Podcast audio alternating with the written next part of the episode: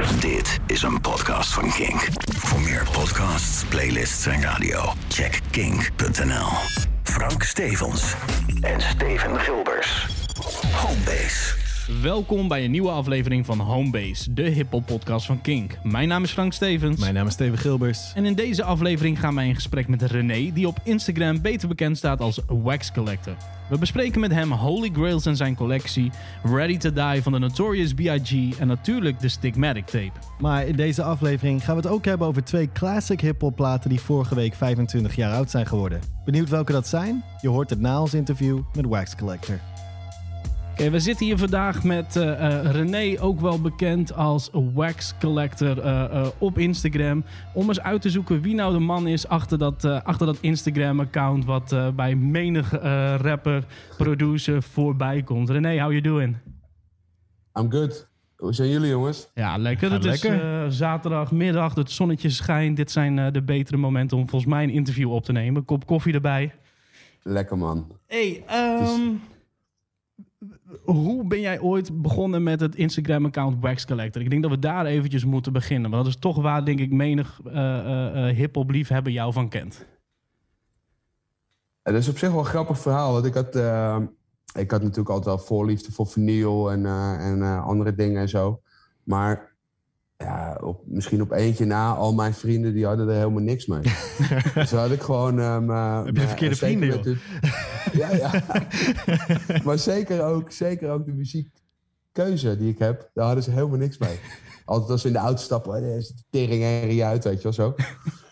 Ehm, dus deelde ik gewoon die plaatjes eerst gewoon op mijn privé Instagram. eh, dat het, eh, dit Instagram kwam net een beetje op. En, eh, en eh, toen op een gegeven moment eh, waren de mensen die tegen me zeiden... flikker eens op met die platen, joh. We willen gewoon foto's van je kinderen zien. Of eh, weet je wel, van je nieuwe auto. Maar niet, niet van die, die stomme platen allemaal. dus dacht ik, nou, weet je wat ik doe? Ik doe gewoon een apart Instagram-account voor alleen maar die platen. Ja, en dat ging op een gegeven moment gewoon ja, snel.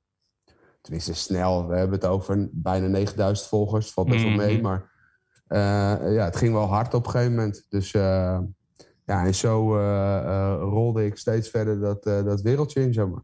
Ja, we hadden het net ook al eventjes in het voorgesprek over hoe eh, ehm, de vinylwereld misschien wel een beetje te vergelijken is met, met de sneakerwereld. Als het gaat om, Ja. om het hele idee van laten zien wat je hebt en alles. Ehm, hoe zit dat bij jou? Zeg meneer. Sorry. Platen. Ja.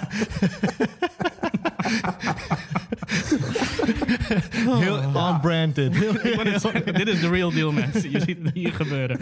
Ehm, He's not faking the funk. Is- Of je hebt gewoon een buurjongen ge- gevraagd: kun je even een doos neerzetten? over Ja, vijf minuten. Ik, ik zit even te checken. Is het DL? Ja, ze rijden net weg. Oké. Ik weet niet welke het is. I don't know. Hey, We gaan het zo ehm, meteen zien. Hoe, hoe is dat bij jou, ehm, ehm, ehm, eh, hè, als we het vergelijken met de sneakerwereld? Is het vooral laten zien wat je, wat je hebt? Of, of is het ook echt dat je met alle platen die je post een connectie hebt? Want ik denk dat dat altijd een beetje een tricky ding is. Ik heb wel een vermoeden, maar... Ehm, nee, heel eerlijk heb ik zeker niet met alle platen die ik post een connectie. Oké, Eh, en, eh, maar 90% zeker wel. Ah, maar kijk. soms zit er wel eens een dingetje tussen, eh, omdat ik die opgestuurd krijg. En dan vind ik het ook gewoon netjes naar de mensen toe die mij dat opsturen, dat ik dat gewoon eh, Mhm. laat zien. Ja. ja. Ehm, maar dat wil niet altijd zeggen dat ik die plaat goed vind. Oké. En het komt bij jou, eh, als ik het goed begrijp, vooral weg bij Zie hem, de- zie hem, zie hem, zie hem. Kijk, kijk, kijk, kijk, kijk, kijk, kijk.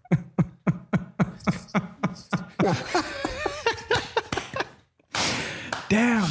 Er staan er alweer een paar, sorry. Binnen drie minuten is dit, hè? En ik heb geen postbouw, ik heb geen buurjongen met een postbouwjasje. Nee. Die heb ik echt niet. Oké, voor de mensen die luisteren naar de podcast, check ook eventjes de video op YouTube. Dan kan je zien waar we het over hebben. Deze man krijgt nu binnen drie minuten al twee keer een eh, postbode aan de deur met een pakketje. Ehm, het gaat bij jou vooral, denk ik, als ik eventjes kijk naar, naar wat ik over je heb gelezen, eh, wat ik heb gezien, om het fysieke product. Ja, Dat is waar bij jou, 100%. dat, dat, dat doet iets met jou. Waarom is dat? Ja, inderdaad. Waarom? Waar komt dat vandaan? ja jongens, weet je. Muziek moet je een beetje beleven, vind ik altijd. En eh, ja, MP3 is makkelijk. Maar ik kom natuurlijk ook... eh, ik ben, ik ben eh, een fucking dinosaurus. Ik ben 41. dus dat ik opgroeide had je gewoon ook niet anders, weet je wel. Mhm. En op een gegeven moment kwam natuurlijk het cd'tje en kwam eh, eh, mp3'tjes. Ja, en mp3'tjes is leuk voor in de auto, maar voor de rest heb ik er gewoon niet zoveel mee. Thuis luister ik het eigenlijk nooit. Dus ja, en, en ja, wat is nou mooier, man? Als je, als je, als je, als je het gewoon in je handen hebt, het voelt, Mm. ja, plaatje eruit, weet je wel. De moeite die erin moet steken om het op de plaatspeler te leggen, hem om te draaien. Eh, crackles, Ja. old sound. Ja, het is- ja, ik hou ervan. Weet je nog wat jouw eerste eh, plaat is die je ooit hebt gekocht? Ja, ik, ik, ik weet het niet precies. Ehm, ik weet één ding wel, en dat was mijn eerste cassettebandje. Mhm. Dat was eh, van de Fresh Prince of Bel-Air toen eh, de serie. Kijk. De Die serie? zag ik toen liggen. Ja, ja dat was zo'n bandje met, eh, die stonden er allemaal op. Bobby Brown en Ah. De La Soul, denk ik. En Tribe Called Quest. En allemaal, dat was een soort compilaties tapie. Wat vet. En dat was in de tijd dat het dorp waar ik vandaan kom, Heemskerk, had gewoon vier platenzaken, weet je wel. Mhm. En nu hebben we niks meer. Eh, Ja. maar toen de tijd had je, werd je ermee doodgegooid. Eh, dus toen, eh, toen had ik wel al vinyl. Ja, en dat, dat, zul, ja, dat zullen dingen zijn als eh, ehm, eh, eh, Big Daddy Kane. Juist. Ja, dat zal een beetje het eerste zijn wat ik kocht. Die cold chilling dingen, Big Daddy Kane, Bismarck Key. Ik weet wel dat ik helemaal omging in hip-hop. D- Dat was, eh, dat, eh, dat was iets later. Eh, toen zat ik op de middelbare school en eh, toen eh, kwam Troy uit van Piet Rock. Dat, die track, die Ja. zag ik op Yo MTV Raps. Ja, toen wist ik het gewoon, weet je wel. Dit, dit gaat me nooit meer loslaten. En dat lag gewoon in Heemskerk in de platenzaak? Ja, zeker man. Wauw. Zeker. Ja, je kon niet anders, hè. Dat ik, ik bedoel, ik heb het er wel eens over met, eh, met, eh, met Bas van de Rapwinkel. Mhm.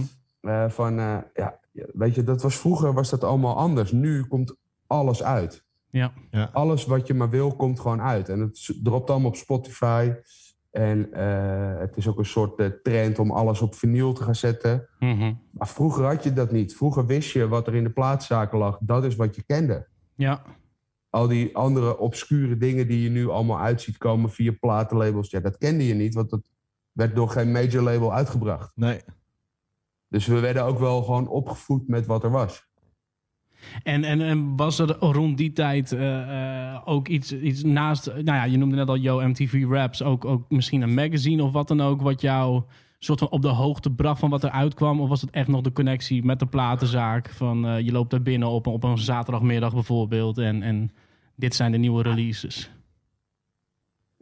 Nee, ja, volgens mij, eh, ik, ik was niet heel erg bezig met magazines in die tijd. Het was ook wel lastig, hè? Want de, Source bijvoorbeeld, Ja. Mhm. die, die lag niet in Nederland. Het kwam pas allemaal veel later. Ja. Dat kwam allemaal echt wel eh, mid tot eind jaren negentig kwamen die, die magazines uit. En eh, nou ja, ik ben van 79.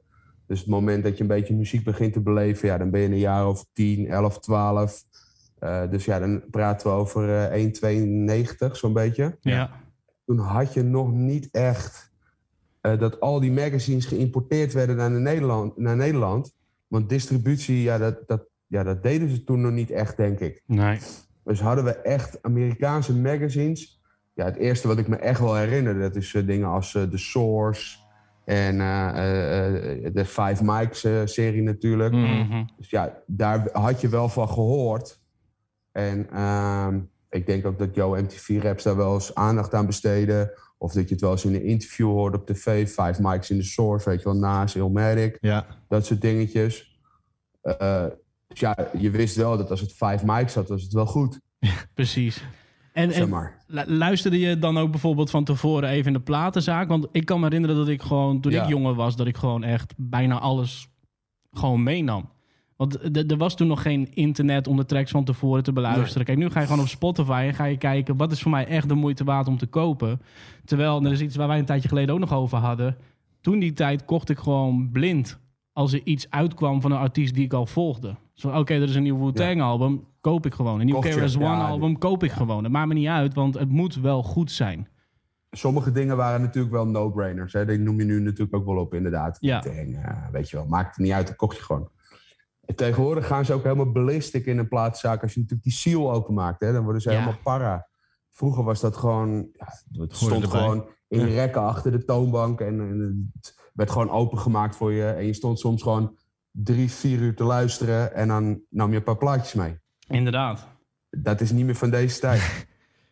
Maar Hoe doe je dat tegenwoordig? Want eh, je zei dat je eigenlijk niks met mp3 hebt, behalve als je even in de auto zit of wat dan ook. Maar ehm, als je, hoe maak jij de beslissing van die en die plaat ga ik kopen of niet? Eh, als je nog niet, als het geen no-brainer is, laat ik het zo zeggen. Als het iets is wat je eh, wat nog niet op je no-brainer lijst staat, hoe, hoe maak je die Ja, ja. beslissing? Hoe doe je je research? Luister je van tevoren online? Of... Ja.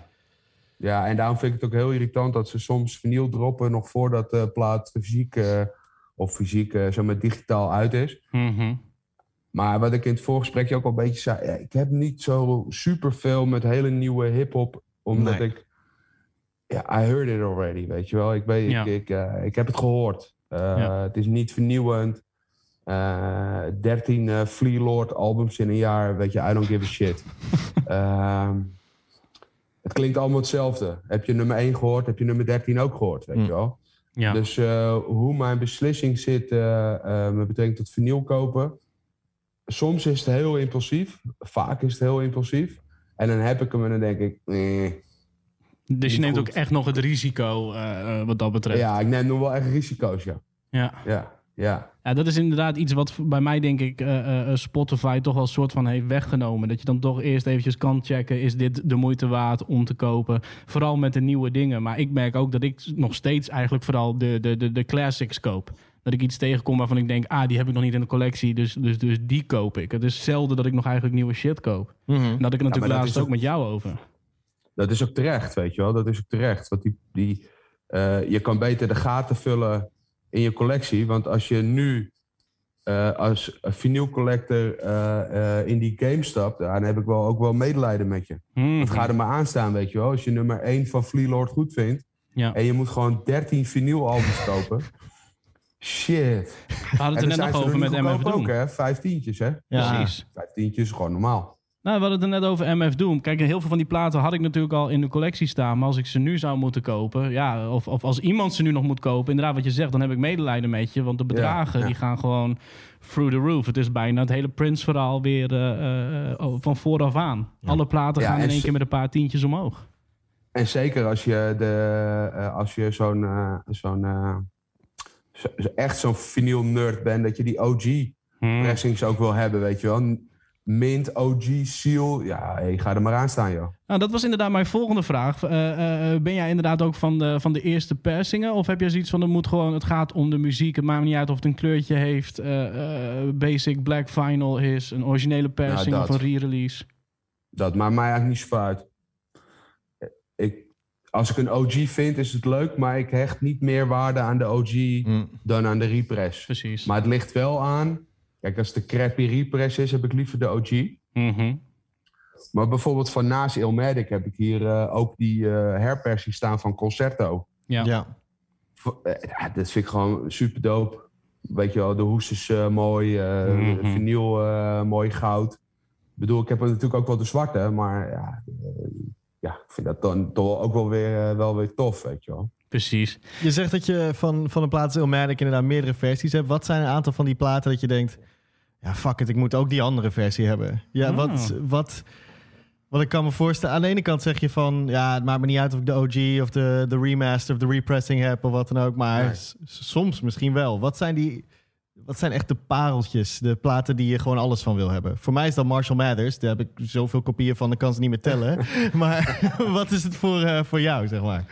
Ja, dat vind ik sowieso Tribe Called Quest, Midnight Marauders. eh, Maakt me niet uit, weet je wel. Die moet ik gewoon Ja. Die, het is gewoon raar. Eh, Ook al heb je er al vier staan, dan koop je die vijfde ook nog. ja.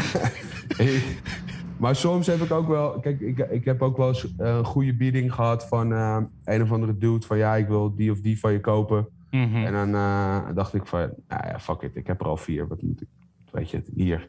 Ja. Dus dat doe ik ook wel hoor. Ik, ehm, Kijk, sommige mensen zijn echt puristen. Ik ken echt wel een aantal puristen die dat echt nooit doen, weet je. Ik, eh, ik had eh, eh, vroeger een homie, ik weet niet, ik kan hem hier wat noemen. Hij heet op Instagram Stylus. Stylus heet hij nog, Stylus. Pim.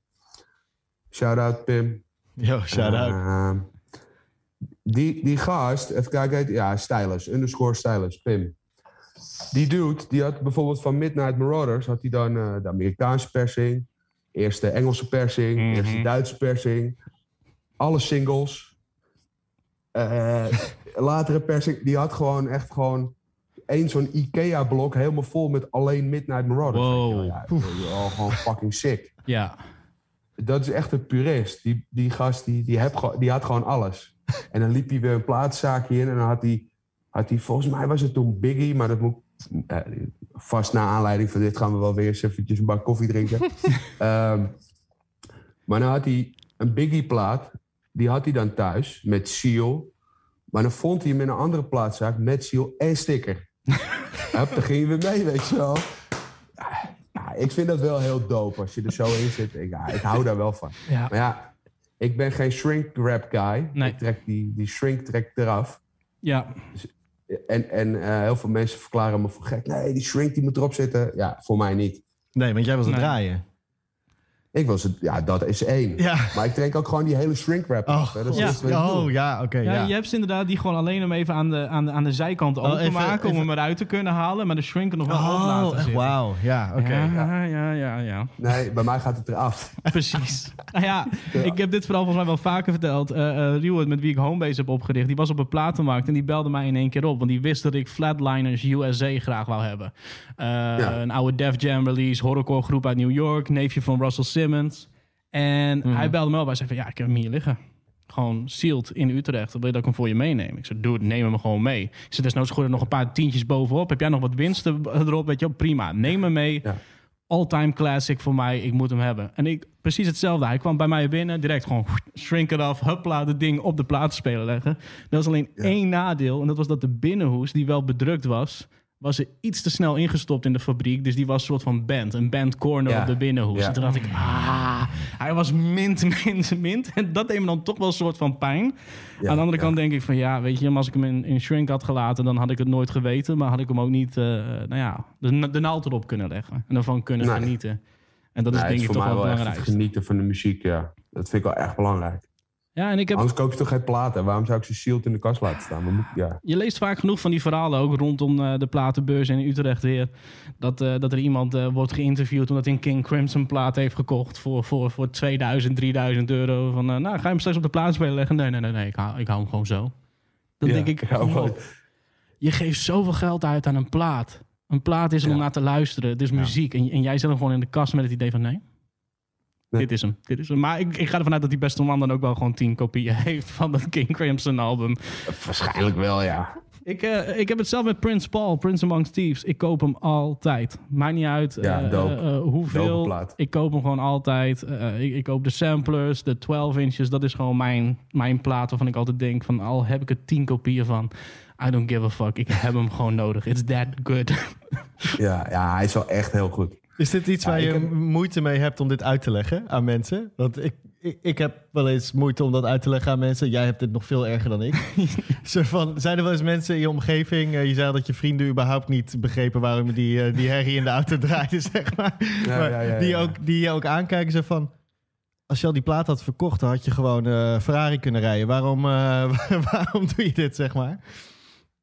Ja, en sterker nog, mijn vrouw heeft hetzelfde. Hetzelfde als jou? Of Hetzelfde als jou, je hetzelfde als je vrienden. Hetzelfde als die mensen. Ja. Mooi, verkoop die platen, man. Dan kunnen we een nieuwe dit of dat... eh Ja. Eén ja. keer ben ik erin getrapt, hè. Eén keer ben ik erin getrapt. Bij Wauw. mijn vrouw. Ja.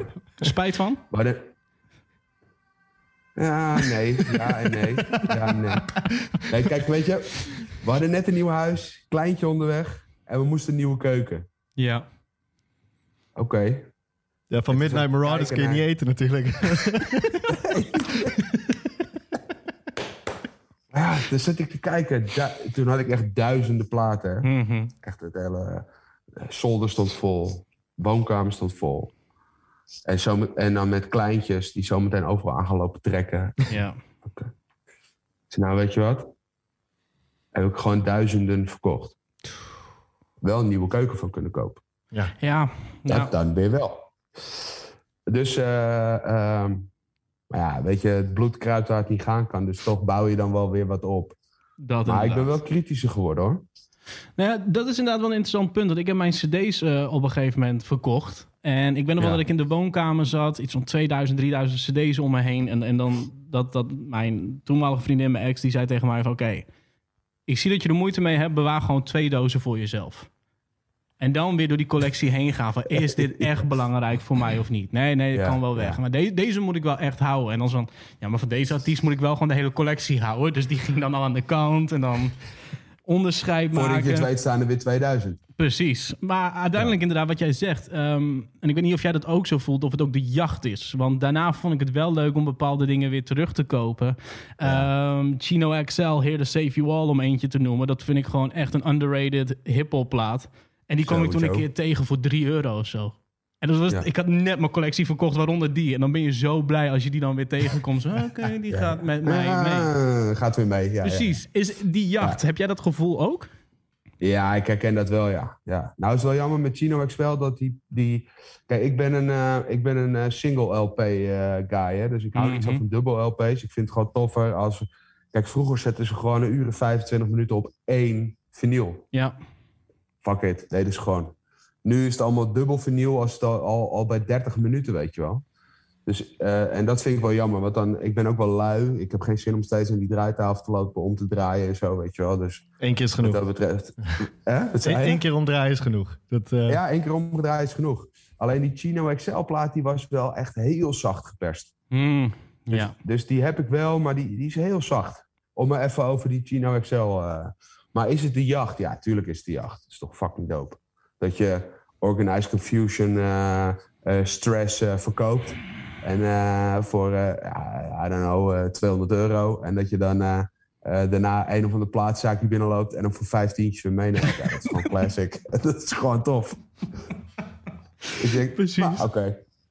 Hey, ik wil zo ook eventjes met jou eh, eh, richting de tapes gaan. Eh, maar ik heb eigenlijk nog wel eventjes één vraag. Ik weet niet of jij misschien nog wat vragen hebt rondom het, het hele vinyl gebeuren.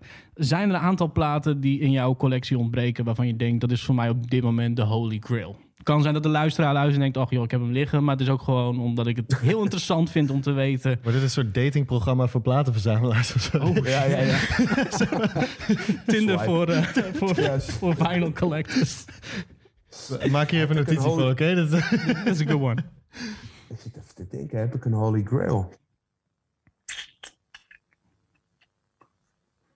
Ik denk, ik denk niet dat ik echt eentje heb waarvan ik zeg van ja, die, die mis ik echt. Die mis ik echt. Ik mis genoeg, hè. Ik bedoel, Mhm. eh, gaat het over? Ik bedoel, eh Ja, dat- verdediging hier zie je net een gatenkaars, om het maar zo te zeggen. Ik zit te denken, man. Heb ik iets waarvan ik echt zeg... Die mis ik? Nee. Niet, niet dat ik even zo... eh, eh, Er zijn wel dingen waarvan ik denk van ja, die moeten gewoon op vinyl komen. Oh, kijk, dat is een Die er gewoon niet zijn, weet Ah. je wel. Dat, dat, die zijn er zeker. Ik bedoel, ik ben natuurlijk ook best wel even bezig geweest. eh, kijk, voor mij was dit bijvoorbeeld...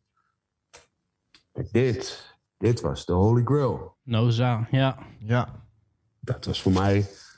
Dat was gewoon een soort van eh, pet project. Het moest gewoon gebeuren, weet je wel. Mhm. En, en, en, en, en, en het gaat nu om, om, een, om een Nederlandse plaat natuurlijk. Bijvoorbeeld, ja. Ehm, En Is- weet je welke wel? Brother Lynchung.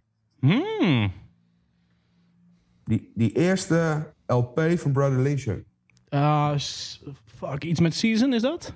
Ja, Sickness Season, Ja. volgens mij. Even uit mijn hoofd. Even uit mijn hoofd.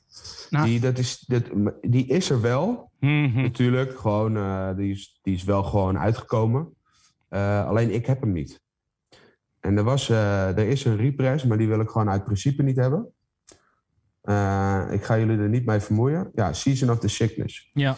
Ehm, dus als ik ooit nog die, die originele eh, single LP eh, weet te vinden, dan ga ik die kopen. En, Ja. en dat geldt overigens ook voor de beste plaat ooit gemaakt, eh, eh, Ready to Die. Als ik daar ooit de Mm. OG van vind, gewoon op enkel vinyl zwart, die, ja, die gaat mee. Ready to Die is de beste plaat ooit gemaakt? Ooit, ooit. Oké. Nooit, Ja, het is... Het ooit. is gewoon Maar ooit, dit is het mooie aan een podcast. Eh, eh, er is geen tijdslimiet of wat dan ook. Tell us why. We kunnen gewoon die, die, die, die, die, dat zijpaadje ingaan. Wat is Ready to Die? Wat maakt Ready to Die voor jou? Ja, weet je, als je naar Biggie luistert, zijn rijmschema's, zijn verhalen. Mhm. Het is gewoon de beste verhalen te vertellen die ik ooit gehoord heb. Het is gewoon een soort. Ready to Die is voor mij gewoon een soort luisterboek. Mhm. Samen met, met Ilmatic zijn dat wel de twee platen. Het zijn gewoon luisterboeken. Ja. Je zit gewoon te luisteren, je wordt meegenomen in, een- in een bepaalde wereld. Ja, dat Eh, intro is eh, ook wel echt ontzettend goed. Ja. Nou, ik even over Ja. nadenken. Met al die samples om de verschillende eras neer te zetten. Hetzelfde eh, toch met. Illmatic. Die twee die zijn ook best wel te vergelijken qua, qua Hetzelfde jaar intro. ook. Hetzelfde ja. jaar. De, de, feel die zelfde vanaf cover, komt. let's Ja. be real. Ja, ja, Ja. Het, het is wel. eh, Maar, maar als je, ja, weet je, als je Biggie. eh, het maakt me eigenlijk niet zijn stemgeluid, zijn manier van vertellen, zijn flow. Mhm. Eh, de beats, hè, de beats waren. pff, die, die beats, jongen. Eh, ehm, en dat had ik met Ilmatic ook. Maar als ik dan moet, moet kiezen, dan staat Biggie er wel net iets boven. En dat komt, denk ik ook, is ook een gevoelskwestie. Biggie heeft geen shit gemaakt. Ja, misschien die postuumalbums, maar daar kan hij niks aan doen. Dit wou ik net zeggen. Ja. Nas heeft zoveel shit gemaakt. ja. Eigenlijk alles na It Was Written is gewoon, ja, kut. Nou, ik, ik wou net al aan je vragen, inderdaad, denk ik ook dat het is dat, dat, dat het gewoon...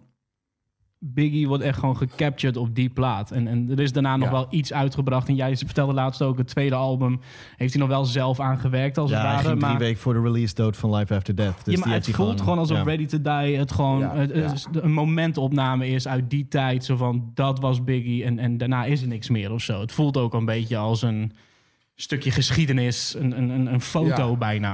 Het is meer een foto is- in plaats van een film. Het is gewoon één ding. Ja, en als je kijkt, ik was vorig jaar, eh, was het vorig jaar of het jaar daarvoor, was ik in New York. En ik, ik, was al, ik was al zo vaak in New York geweest. En ik was natuurlijk bij de mural van Big L geweest in Harlem en zo. En, maar ik wilde ook, ze hadden in Brooklyn een nieuwe mural gemaakt. Ja. Gewoon levensgroot. Ja, die, daar ben ik geweest. Als je kijkt hoe die man nog steeds leeft in die community. Eh, en en ja, hij was gewoon. Ja, voor hun is dat gewoon een symbool, weet je wel. Het is echt eh, bijna Martin Luther King. eh, Ja. eh, Ja. proporties neemt hij aan, weet je wel. En, en ja, dat heb je natuurlijk met Naas, en daar kan hij niks aan doen omdat hij nog leeft. Die heeft dat natuurlijk niet. Dus het is ook wel, het is ook wel gevoel. Het is zo Ja, en grappig wat je zegt hoor. Ja, want ik heb, ik heb een, eh, een, een maand of vier in Brooklyn gewoond. En Oké, in 2017, nou dat is hoe lang na? 20 jaar na zijn dood. En Ja. ik zweer het je echt, vijf keer per dag reed er door de straat een auto met keihard Biggie aan. Gewoon minstens. ja. En Ja. dat is 20 jaar na zijn dood. En dan kwam ineens Gimme the Loot weer langs of wat dan ook, weet je wel? Ja, en, ja, ik, ik was daarover verbaasd, want ik heb eh, zelf altijd... ja, Tupac en Biggie worden altijd heel veel vergeleken natuurlijk. Ik heb altijd zelf het idee gehad dat Tupac overal de grotere artiest is geweest... met meer impact. Die heeft meer tijd gehad om meer platen Dat uit is te ook brengen. zeker waar. Maar Biggie in New Hij York... was hardere werker, hè, Toepak. hè? ja, Mhm. Vergeet dat ook niet. hè? Biggie in Brooklyn, of in New York, maar zeker in Brooklyn, is, is gewoon een god. Dat is echt een god. Die, Ja, die, ja, die het is- wordt... ja. Die- Ja, dat is ongelooflijk. En echt zoveel langer. En dan, eh, eh, ja, Jay-Z is, zo- vinden ze ook amazing. En dat, terecht. Maar, Terecht, ja. Maar, maar Maar Biggie ja, is op aan de andere kant, op ja. basis van wat is Jay-Z amazing? Nou, Reasonable Doubt is... Wat mij betreft is Reasonable Doubt... Classic. eh, eh, op, dat, op het level van een Illmatic en een Ready to Die en dergelijke. Ik denk dat dat... Ja, ja, ja, ja. ja. Ja, laat ik zeggen, in diezelfde tier. Je kan b- debaten ja, ja, welke ja, waar zeker. staat. En, eh, en hij heeft er nog een paar die ik heel hoog heb zitten. Mhm. Maar alles wat daarna komt. Hard Knock Live Volume 1, 2 en 3. Oh, dat, dat, dat, daar kan je één cd van maken met alle beste tracks van al die platen. En dan is het een toffe plaat. Ja, ja Dan is het een toffe plaat. zeker. Nee, maar kijk, weet je, ik denk ook wel, en dat, ik, ja, ik vind dit soort gesprekken gewoon super, super leuk. En Ja. leuk. Kijk, New York is toch de bakermat van de hiphop. Mhm. Daarmee niet zeggende dat in, in Cali niet heel veel dope dingen zijn gemaakt. Mhm. Eh, Dre, Snoop, eh, die, die, die eerste platen waren. Die schaar ik ook gewoon nog steeds binnen dat Illmatic, Mhm. Ready to Die, Ja. Eh, Doggy Style, The Chronic. Dat, dat zijn gewoon classics, Ja. weet je wel. Daar, daar, daar kan je niks aan afdoen. Alleen, ja, New York is gewoon de bakermat.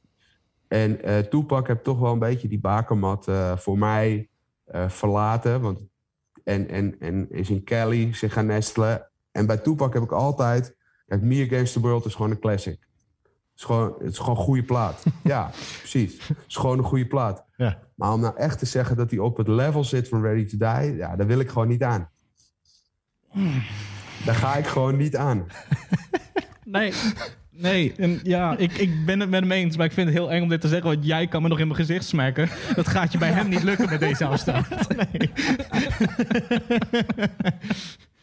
Ja, het is, Ja. Het, is, eh, ik, voor me, het is ook een beetje een momentopname. Het ene moment denk je, oh god, dit is, dit is het beste dat ooit is gemaakt. Ik had laatst, vorige week hadden wij het over Big Pun ineens. Ik denk, holy shit, waarom heb ik het nooit over Big Pun in mijn hoofd? Waarom, Capital Ja, Punishment is zo vreselijk goed.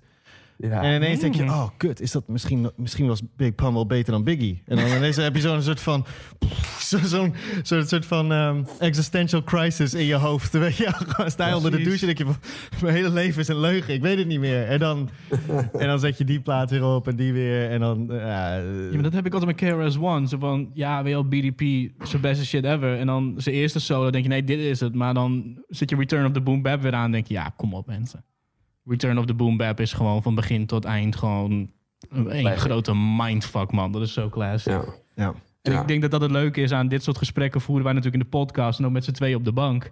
Alleen dit soort gesprekken heeft menig hip-hop liefhebber ook met zichzelf in zijn hoofd. Als hij aan het douchen Ja, is, in de auto ja. zit, in de trein zit of whatever the fuck. Dat je die top 10 Ja. weer eens gaat maken en dat je denkt, fuck, waarom staat dit niet in mijn top 10? Dat moet erin. En dan denk je, oh, wat moet er dan uit? Oh, nee, Ik zei het van de week nog Maar tegen je jou. kan geen top 10 maken. Nee. Je kan geen top 10 maken. Dat Nee. gaat niet. Nee. Dat gaat niet. Natuurlijk, voor mij 1, 2, Ready to Die, Illmatic. Mhm. 3, 4, Doggy Style, eh, The Chronic. Ja, Die vier platen, Midnight Marauders, ja. 5. Enter the Wu-Tang. eh, eh, ja, maar daar ga je al. Enter the Wu-Tang. Mhm. eh, Bizarre Ride to the Far Side voor mij.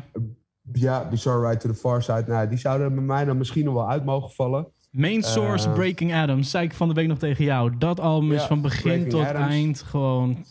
Classic. Oh, underrated Live, as live at the barbecue. Mhm. Ja, maar ja, dan hebben we Showbiz en AG. Ja, ja. Ja, dan kom je alweer in een lijst waarvan je denkt... oh, maar als we die mogen noemen... Lord Finesse. Ja. Diamond D. Weet je, ja, waar gaan we heen, weet je wel? Ja. Dus eh, eh, Big Pun. Ja. Maar weet je, onderschat eh, al die eerste Cold Challenge, Big Mark. Markie, Master Ace. Cool G Rap, DJ Big Polo. Daddy Kane, Cool G Rap, Eric B en Rakim. Ja, top 10 is niet te maken voor mij. Nee. en wat Nee. je zegt, Big, Big Pun, eh, maar ook een eerste Capone Noriega. Ja, ja. Mob Deep. Allereerste, allereerste, ja, Mob Deep, Infamous, sowieso. Ja. Sowieso, Moet erin. sowieso.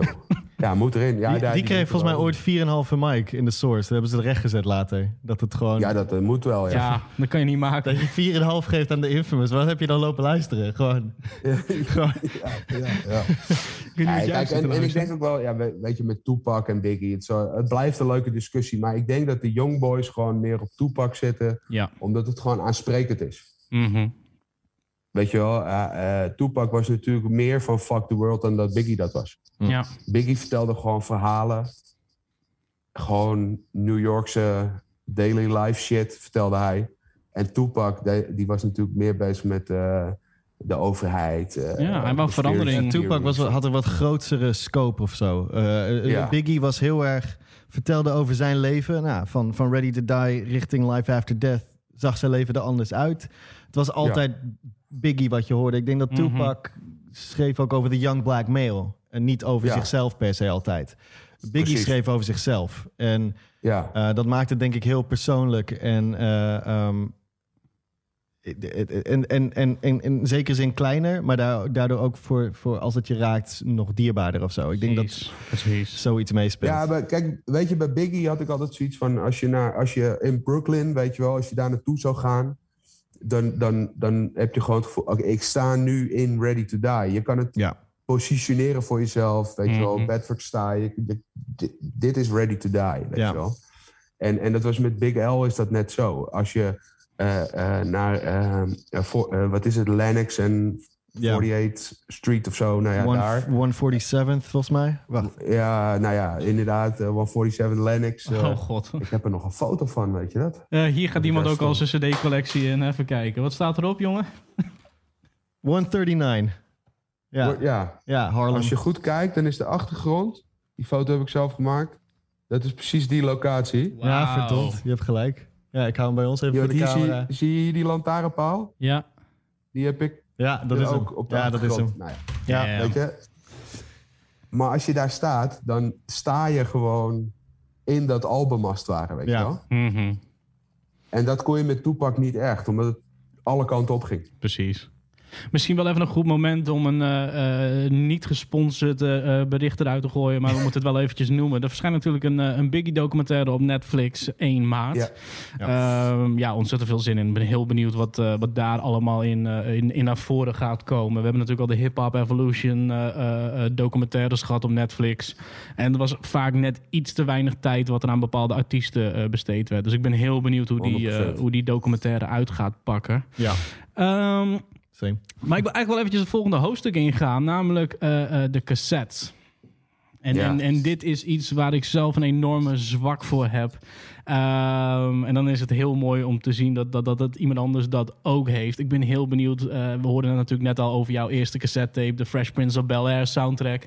Ehm, jij hebt gewoon een aantal cassettetapes eh uitgebracht in de afgelopen jaren, denk ik. Ik denk dat er wel twee jaar of zo. Ja, uitgebracht is een groot woord. Ik heb eh, welke ik wel... eh Stickmatic bijvoorbeeld, hè? Mhm. Ja. de tape. Ik zal hem eens even pakken trouwens. Stickmatic tape. Die, eh, ja, dat is natuurlijk wel echt een van... eh, van eh, die echt wel bij mij... die heb ik helemaal zelf gedaan. Mhm. Ehm, natuurlijk met hulp van Stix, hè, dat kan je nooit alleen. Maar, eh, en, en, en met hulp van Solution trouwens. Ja. Die eh, mij geholpen heeft met de artwork. Kijk. Eh, dus eh, ja, die sowieso. Heel lekker dit. Daar ben ik ook wel trots op. Want er staat je naam ook aan de binnenkant van de, van de sleeve, weet je wel. Dat is, Mhm. natuurlijk, eh, dat is natuurlijk wel tof. For the history. Eh, dus ja, deze heb ik zelf uitgebracht. Dan hebben we natuurlijk nog Nosa, eh, Mhm. James Tape. Ja. Ehm, ik, vergeet, ik vergeet dus heel snel alweer. eh, even kijken. Nosa en James natuurlijk sowieso. Ehm, maar die, hebben wel, die zijn wel door de labels gedaan. Hè? Precies. Ik bedoel, eh, ik ben eh, een beetje een shitsteen op die, op die hele scene. Ik doe niet zoveel. Eh, die andere guys doen het werk. Nou ja, eh, we hadden het er ook al even in het voorgesprek over. Ik heb natuurlijk ook al wat tapes uitgebracht. En, en, en wat ik heel erg herken... Kijk, daar zijn ze. Ehm, volgens mij zijn we gewoon allebei liefhebbers van, het, eh, eh, eh, gewoon van de cassette tape zelf.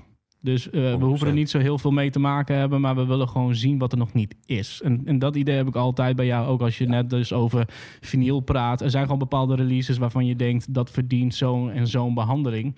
En al ben je alleen maar de persoon die een mailtje stuurt en zegt, yo, die moet je op tape uitbrengen. Laten we zeggen, het zaadje planten is al genoeg. Ja, Ehm, true that. Wat is er met de cassette? Heb je nog een cassette deck in de auto? Heb je nog een Walkman Nee. liggen? Of is het gewoon ja, weer de feel? wel. Fuck, ik blijf opstaan met jullie, man. Kijk, Kijk. daar is die. Gewoon mijn officiële Walkman... die ik eh, gebruikte op de middelbare school. Nee. Is Ik de originele nog? Steeds. Ja, man. Een stukje duct tape aan de achterkant... zodat de batterij er niet zit uit. Zo Kijk. Juist. Ik heb hem gewoon nog. Ja. En hij doet het ook nog goed, hè? Ik heb wel de laatste keer dat snaartje vervangen. Oh ja. En dan, eh, maar dan laat ik dat aan mijn dochter zien. En dan zegt ze, wat is dat, papa? We kunnen gewoon nog cassettebandjes. Ze snapt, ja, daar snapt ze niks van. Maar wat is er met de cassettebandjes voor jou? Wat, wat, wat, eh wat aap, de demon? Kijk. Kijk. Dit binnenkrijgen. Dit binnenkrijgen, jongens. Dit is toch gewoon tof? Wat is er nou toffer dan I, I know. I know, maar het is zo lastig te Ja. omschrijven. Dat is het probleem. En ik hoopte dat jij het zou kunnen. Maar inderdaad, misschien moet je het ook gewoon zien. Het is... Maar je moet het... je- dit, dit is het. Dit, het geluid. Ja.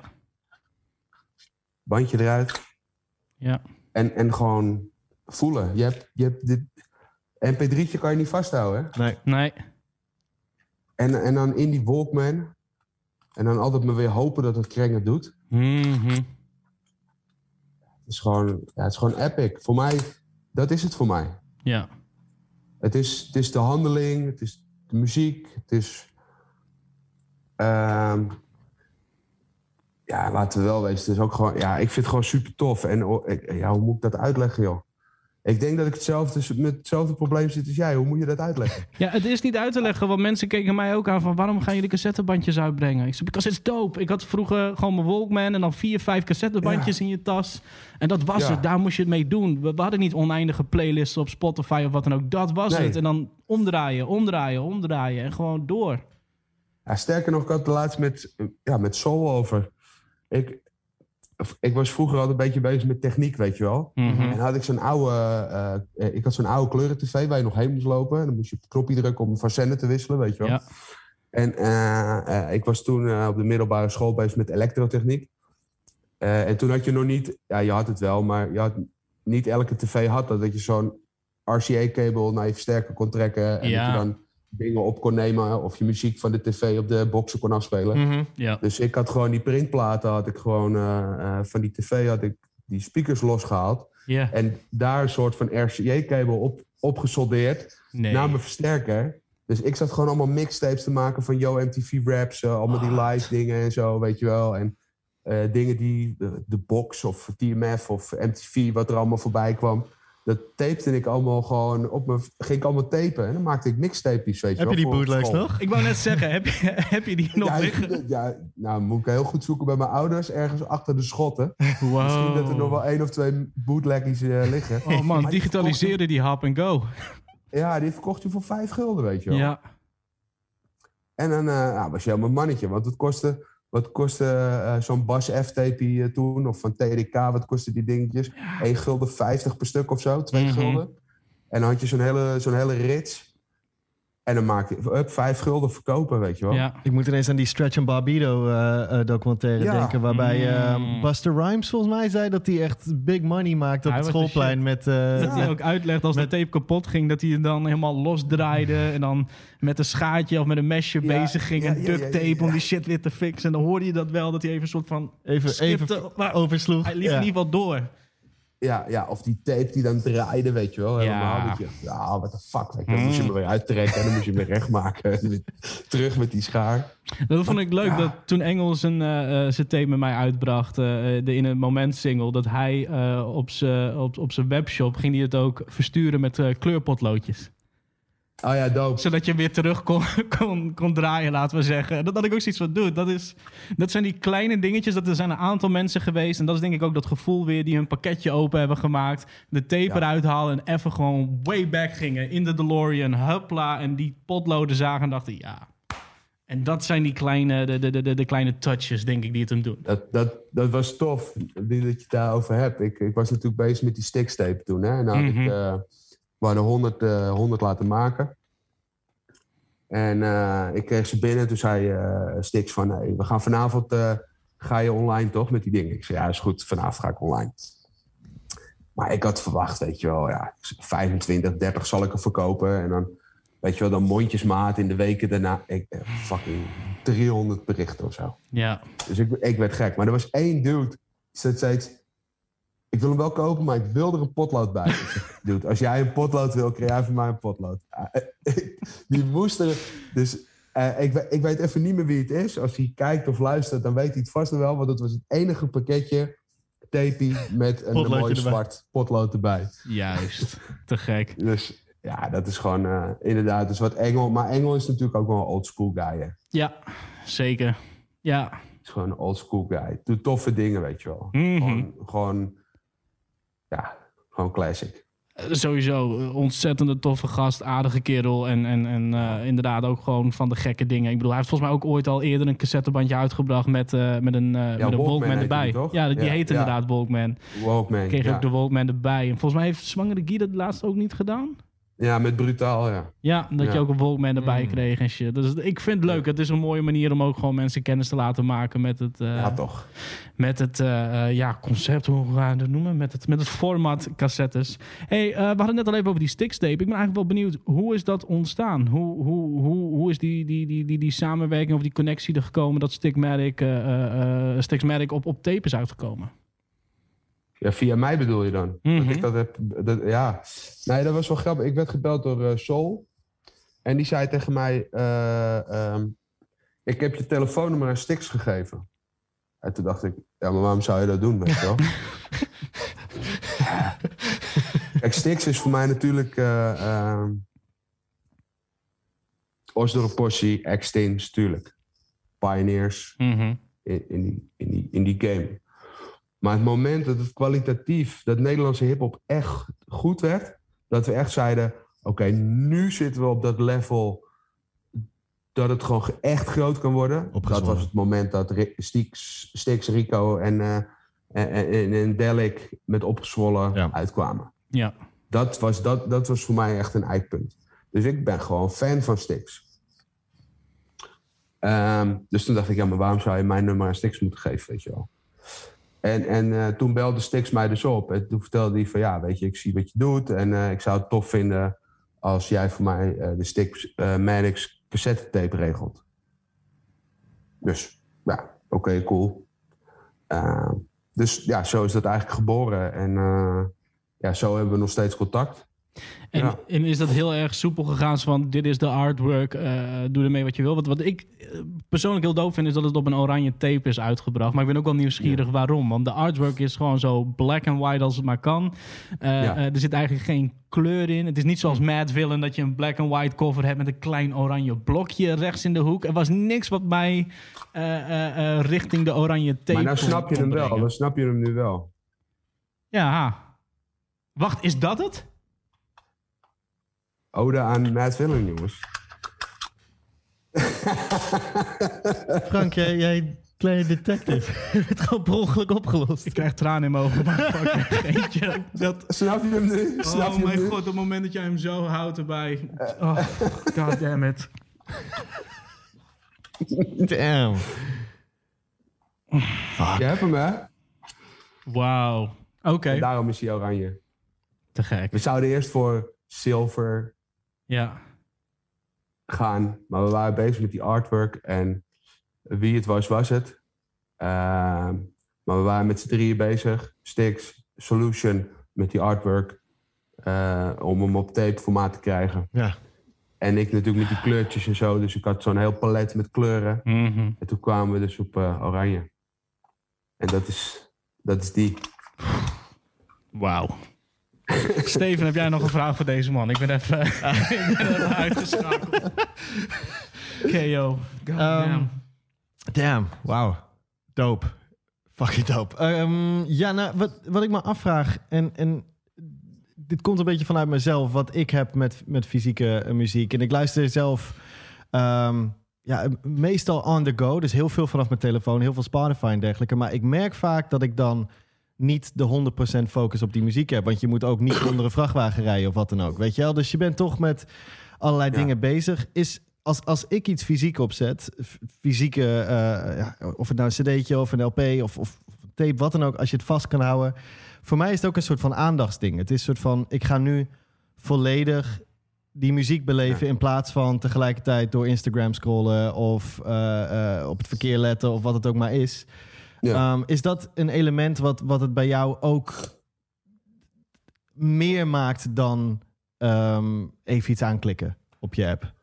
Nee, zeker, zeker. Kijk, als ik eh, andere dingen aan het doen ben, kan ik best muziek luisteren. Maar dan eh, kies ik meestal wel van die platen die niet echt mijn aandacht hoeven te grijpen. of zo, weet je wel. Mhm.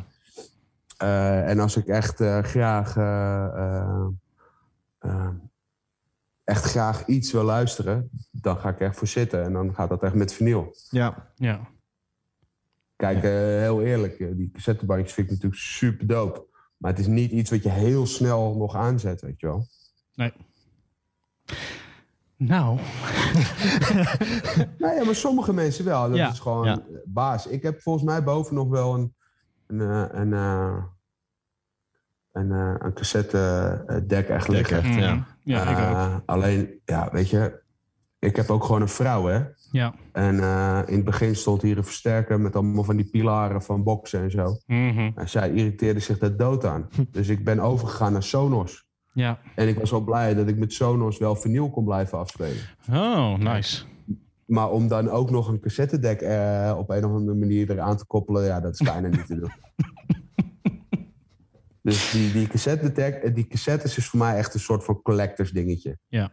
Dat is een beetje wat de sealed vinyl is voor sommige andere guys.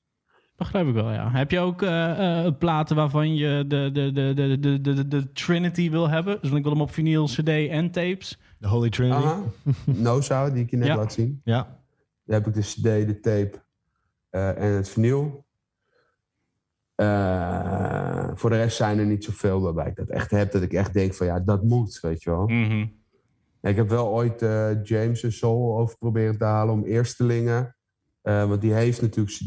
Die heeft nu vinyl bij Shame Records. Ja, ik zag hem Die is overigens gisteren binnengekomen. Het is heel mooi geworden. Nice. Ehm, en toen heb ik, ja, die moet ook op tape. Mhm. Ja, dat is, er niet, dat is er niet van gekomen. Dat is er niet van gekomen. En of dat er ooit van gaat komen, ja, dat weet ik niet. Ik- niet via mij in ieder geval. Dat zal dan echt Soul zelf gaan doen. Ja. Hey, en even een andere vraag. Hè. Eh, je noemde net al eventjes eh, eh, de rapwinkel.nl. Yes.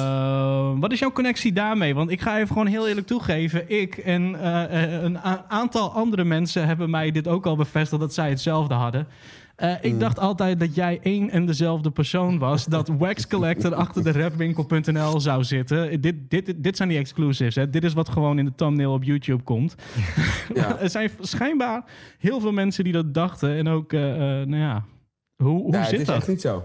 Het nee, ik, zo. ik, ik, heb het al begrepen. Geen alter ego of zo. Het is geen Nee, nee, Slim nee, Shady nee, nee, tot nee, je... De Victor Van tot je MF doen. Nee, nee, nee. Ik heb wel altijd geprobeerd om mezelf een beetje eh, eh, echt naar die achtergrond te drukken. Ja, dat gaat nu Mhm. natuurlijk niet meer lukken. Mensen hebben mijn gezicht gezien. Eh, Kunnen we een balkje overheen doen hoor. Als je, als je- Oh, cool. Ja, ja. Nee. nee, maakt niet uit. Nee, maar weet je, dus... dus ehm, maar nee, ik ben niet de rapwinkel.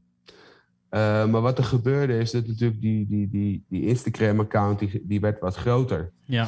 En eh, eh, Bas was altijd al een vriend van me. En ik kocht ook platen bij hem. Al voordat hij echt een label was, was hij eh, een, een Discogs-winkel... eh, Mhm, klopt. met gewoon allemaal grote titels eh, die hij in distributie had. En ja, zo zijn we vrienden geworden. En op een gegeven moment zei hij van ja, kan jij voor mij promoten? Want ik, ja, ik ben niet zo goed in die Instagram hassel, zeg maar. Mhm. Ehm, en toen ben ik zijn platen gewoon gaan promoten. En zo is het denk ik bij mensen tussendoor gekomen dat, dat ik dat was. Ja, En sterker nog, er waren artiesten die zeiden... ja, ik drop eh, mijn plaat bij Wax Collector. Ja, nee, je dropt ja, hem bij de rapwinkel. Je dropt hem helemaal niet bij Wax Collector, weet je wel. Zo. Dus ja, ja. we kunnen het uit Dus de wij- wereld halen. Ja, nee, we, eh, kijk, Bas en ik hebben daar ook wel gesprekken over gehad. Van, ja, de, weet je, ik vond het fucked up voor hem. Want het Mhm. is zijn label. Hij, hij, ja, hij wil niet weten hoe hard die man ja, werkt. precies. het is gewoon bizar. En dan komt de credit bij, eh, bij een ander terecht, zeg maar. Ja. Ja, Ja, en dan komt de credit bij mij. Terwijl precies. ik ja, ja, eigenlijk gewoon, ja... Eh, weet je wel, ik doe het lichte werk. Maar Ja. het zware werk ligt daar. Dit is denk ik wel een goed moment om even een shout-out te geven naar rapwinkel.nl. Ik, vind, eh, ik zei het ook al tegen jou in, eh, op Instagram in een gesprek. Het is te gek om te zien dat deze man zoveel platen uitbrengt van dingen die misschien anders niet eens op vinyl waren verschenen. Maar dat het dus gewoon weer de hele wereld overgaat. En er gewoon Ja. de rapwinkel.nl boven staat. Like, of gewoon de rapwinkel. Like, that's, that's amazing. Dat, dat, dat geeft me weer aan. Met heel veel liefde kan je eh, ontzettende toffe dingen doen. Als je maar gewoon met de juiste eh, reden dit, dit doet. De liefde voor hip-hop en alles. Kan je op gekke plekken terechtkomen. Ja. En dit zijn van die dingen, net als Cold Magazine. dit zijn van die dingen waar ik gewoon een big smile van krijg als ik dat zie. En alleen maar 100%. respect voor, voor de rapwinkel.nl. ik denk dat we zo, eh, zo'n beetje eh, eh, aan het einde gekomen zijn. Maar Mhm. ehm, wij gaan straks nog eventjes doorpraten over twee platen die vorige week, als ik het goed heb, 25 jaar bestonden. Yes. Ehm, en ik wil je toch even vragen wat jij met deze platen hebt... voordat wij hier eh, nog een half uur over gaan, eh, gaan discussiëren. We hebben natuurlijk over de score van de Fugees... en we hebben het over All Eyes On Me van Tupac. Tupac, het eerste dubbelalbum in hip-hop. Mm. Wat heb jij met Toch? deze Zo twee? werd hij toen. Ja. Ja. toen, eh, Je hebt wel een hekel aan dubbelalbums, heb ik net begrepen. Dus wat dat betreft... eh, Ja, hoe gaat dat op? toen, toen kon je gewoon nog een cd'tje kopen en dan kon je gewoon blijven luisteren. Precies. Mhm. Maar nee, dat het ding uitkwam op 4 LP. Ja. Shit. Hm. Toen dacht ik echt mooi, man. Ik blijf draaien met dit ding. nee, ja, All Eyes on Me, om daar maar mee te beginnen. Eh, wat is All Eyes on Me? Natuurlijk heel veel Dr. Dre producties hè, op die. eh, Ja. California Love stond erop, eh, Ja. volgens mij ook. Ja. Klopt. Was dat, was dat niet zijn debuut bij Death Row? Ja, Ja. klopt. Ja, eh, Ja, hij was eh, opgenomen, dacht dat hij uit de gevangenis kwam... en bij Death Row tekende, zat hij al in de studio. eh. Ja, Ja. ja. dus, dus dat is natuurlijk wel zijn Death Row debuut. En Death Row stond toen wel echt in de schijnwerpers. Dus Mhm. ja, All Eyes on Me is daarmee meteen zijn eh, grootste album eh, ooit. Ehm, heb ik er echt iets mee? Met een aantal tracks wel. Er staan Ja. echt die met Snoop Dogg. Is dat America's Most Wanted? ja, Two Ja. America's Most Wanted, ja. Got Ja, my mind ja. made up, natuurlijk. Ja, Got My Mind Made Up. Ja, ja. eh, eh, ja, fucking harde tracks, weet je wel. Er staan gewoon een heleboel goede tracks op. Ambitious Mhm. as a rider. Het is, het is voor mij wel een... Heel eerlijk, is het voor mij ook wel een beetje een filler-album geworden. Ja, Er staan ook heel veel fillers op. ja, I agree. Ja. I don't, En, eh, but that's okay. Nee, nee, nee, nee, maar dat, dat mag. Dat mag. Ja. Nee, maar dat is, weet je, dat is, Ja. dat is al... eh, ieder, ieder, ieder heeft recht op zijn eigen mening eh, daarin. Ik zit even te kijken. Oh, hij is al meer. Ik vond het wel heel, heel tof ding, hoor. Er waren stonden wel echt hele toffe dingen op. 96 alweer, jongens. Mhm. Ja, ik had mijn mind made up. Met Dash en Corrupt. Met Yep. Man Method Man, ja. Method Man. En. Inspector Deck zou eigenlijk op de track staan, geloof ik. En, en als je daar meer over wil weten, YouTube gewoon eventjes eh Gamma Mind Made Up en dan eh Inspector Deck. Dan ga je het waarschijnlijk wel vinden. Deck was schijnbaar in de studio, zou erop komen en is om wat voor reden dan ook niet opgekomen. Terwijl hij eigenlijk ook een beetje de reden was dat Meth daar was. En Inspector. Deck is gewoon... Weet je wat zo jammer is? Inspector Deck heeft nooit echt een goed album gemaakt. Want ik vond eh, Controlled Substance nou niet echt een heel goed album. Ja, ja sorry. Sorry, bro. Ja, nee. Sorry. Je zei het Ja, wel, ieder, sorry. ieder zijn Nee, eigen ja, mening. maar er staan ik- wel wat tracks op hoor. SOS en Ja, shit. dope. Oh. Tuurlijk. Maar de beste verse ooit, ooit van een Wu-Tang rapper... Mhm. Ja. Inspector Deck Atomically? from the Warpath. Ja, hè? Oh, Op Enter the Wu-Tang. ja. Dat is toch de beste verse van welke Wu-Tang rapper dan ook. Dat is wel een moeilijke discussie, hoor. Dat is een lastige. Ooit. Ik heb ooit een keer een lijstje gemaakt Ja. met most epic moments in hip-hop. Ja. En dan komen er altijd albums, weet je wel. Van ja, Mhm. dit album dropte, dat album dropte, dat album dropte. En voor mij was met Enter the Wu-Tang twee momenten. En dat was gewoon het, het feit dat het album dropte en die verse van Inspector Deck. Jezus. Daar kom ik gewoon niet overheen. Ja. Dus dat Tupac Inspector Deck niet op die plaat heb gezet... Ja. Dat is Ja. al voor mij waarom het niet een epic album is. Gewoon dat alleen al. Hey, je, je, zei Hoe doe je net, dat? Ja, dat is wel een fair argument. Moet, moet ik eerlijk toegeven. je ja. zei net al van, eh, hè, dan, dan kom je in de albums en alles. Ehm, op dezelfde dag dat All Eyes on Me uitgebracht werd, verscheen dus ook eh, de score van de Fugees. Eh, we gaan het hier Ja. nog over hebben straks.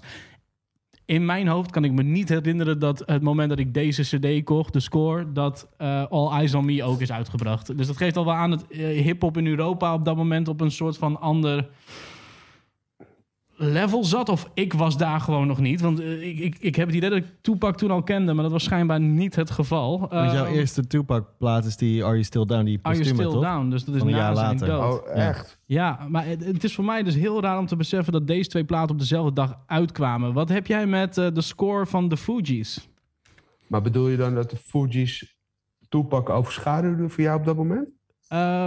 Ik denk dat ik nog, laten zeggen, op zo'n leeftijd zat dat dit, de Fugees, was, daar werd je mee daar werd je gewoon mee plat gegooid toen die tijd. Ik bedoel, tracks als Ja, Ready or. Not en alles. En ik kende Tupac al wel. Ik zag het wel op MTV voorbij komen. Maar toen ik dus terug ging denken, bedacht ik mij in één keer... shit, Tupac kwam later dan de Fugees voor mij. Dus ik Oh, luisterde nee, al wel, KRS-One en, en Wu-Tang en dat soort dingen. Maar dit is bij mij dus heel raar langs elkaar heen gegaan. Oké, ja, want ik zat natuurlijk wel gewoon al Digital Underground, hè, met de Mhm, Tupac. eh, ja. En natuurlijk eh, met Digital Underground, eh, die first dropte dat hij op die stoel zit in die clip. En. Ja. Ik wist al, en toen, eh, even kijken, zijn eerste plaat, help me even. Maar zijn tweede plaat, Strictly For My. Ja, ja. Tupacalypse Eh, Now is de eerste. Ja. Wat zei je? Welke? Tupacalypse Now is de, de eerste. Ja, Tupacalypse Now, ja, natuurlijk. En, en dan kreeg je Me Against the World. Dus ik kende Tupac natuurlijk wel al. Mhm. Ja. Eh, en toen kwam de Fugees. Ja, jemig, de Fugees. Ik vond het wel een hele dope plaat. Maar dat was vooral vanwege Lauren Hill. Oh, Shit, wat, wat was zij goed zeg toen. Ja. ja. En ook, ook, ook met de zang hoor, vond ik later wel heel mooi. Maar ik, vond, ik vind ook echt dat ze wel heel goed kan... eh hele goede MC is. En zeker op die plaat. Is het een klassieker? Als jij moet kiezen tussen deze twee, welke, welke heeft jouw voorkeur? Als ik moet kiezen tussen De All score. Eyes on Me ja. en de Fugees... dan ga ik wel voor Fugees. Hm. persoonlijk, omdat ik hem gewoon, ik kan hem zo lekker luisteren. En Ja. die beats en Mhm. Ready or Not, Here I Come. Ja, Ja, te gek, weet je wel. Eh, ik, vond, vo- ik vond het wel echt een hele goede plaat. Maar ik vind allebei geen classics. Eh, dat is ook maar gewoon om heel eerlijk te zijn. Ook omdat Fuji's gewoon... Er stonden wel een paar vullers op, hoor. ja. Een paar, paar zo van... Oké, ja, we hebben echt nu wel heel, eh, vijf, zes hele dope tracks. Maar wat moet er nog meer bij? ja. dat zijn misschien mijn attitude. favoriete tracks. De, fillers, de fillers zijn bij mij denk ik juist mijn favoriete tracks op het, eh, op het Fugees album. Oh ja, maar I don't blame you. Want er staan echt tracks op Mhm. Eh, sommige mensen zullen altijd zeggen Ready or Not, Killing Me Softly, weet je wel. Maar er, s- er staan natuurlijk nog een heel aantal dope tracks ja, op. The Ja. Mask, Family Business. Ja, de, de- how many mics? Ik bedoel, too many Ja, MC's, dit- not dit enough was mics. natuurlijk- Was The Firm had je? Ja. The Firm, eh, natuurlijk eh, met, eh, met een vrouwelijke MC en Mhm. mannelijke MC's. Mhm. Dus ik, ik ben altijd een beetje... The Firm was natuurlijk eerder dan Fuji's, even uit mijn hoofd. Nee, volgens mij later, toch? andersom. 97? Ik denk dat het later was. Ja. Later, denk was ik. later The ja, Firm? Ja. ik denk het Dus- wel. Eh, ik denk dat er ook wel veel hip-hop geïnspireerd is op wat de Fuji's was, weet je Ja, wel. dat denk ik ook, ja. Ja, een vrouwelijke MC. eh, ja, ik bedoel, neem alleen nog Black Eyed Peas en zo. Mensen gingen het ook later wel heel Ja. corny maken. Ja. Want Black Eyed Peas is gewoon voor mij fucking corny. Dus mensen gingen dat ook wel doen.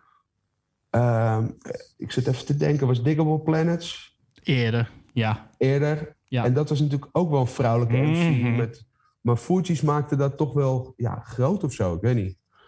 En ze dus- wisten er naar de popmuziek te trekken. Ik bedoel, ze waren echt wel Ja. groot.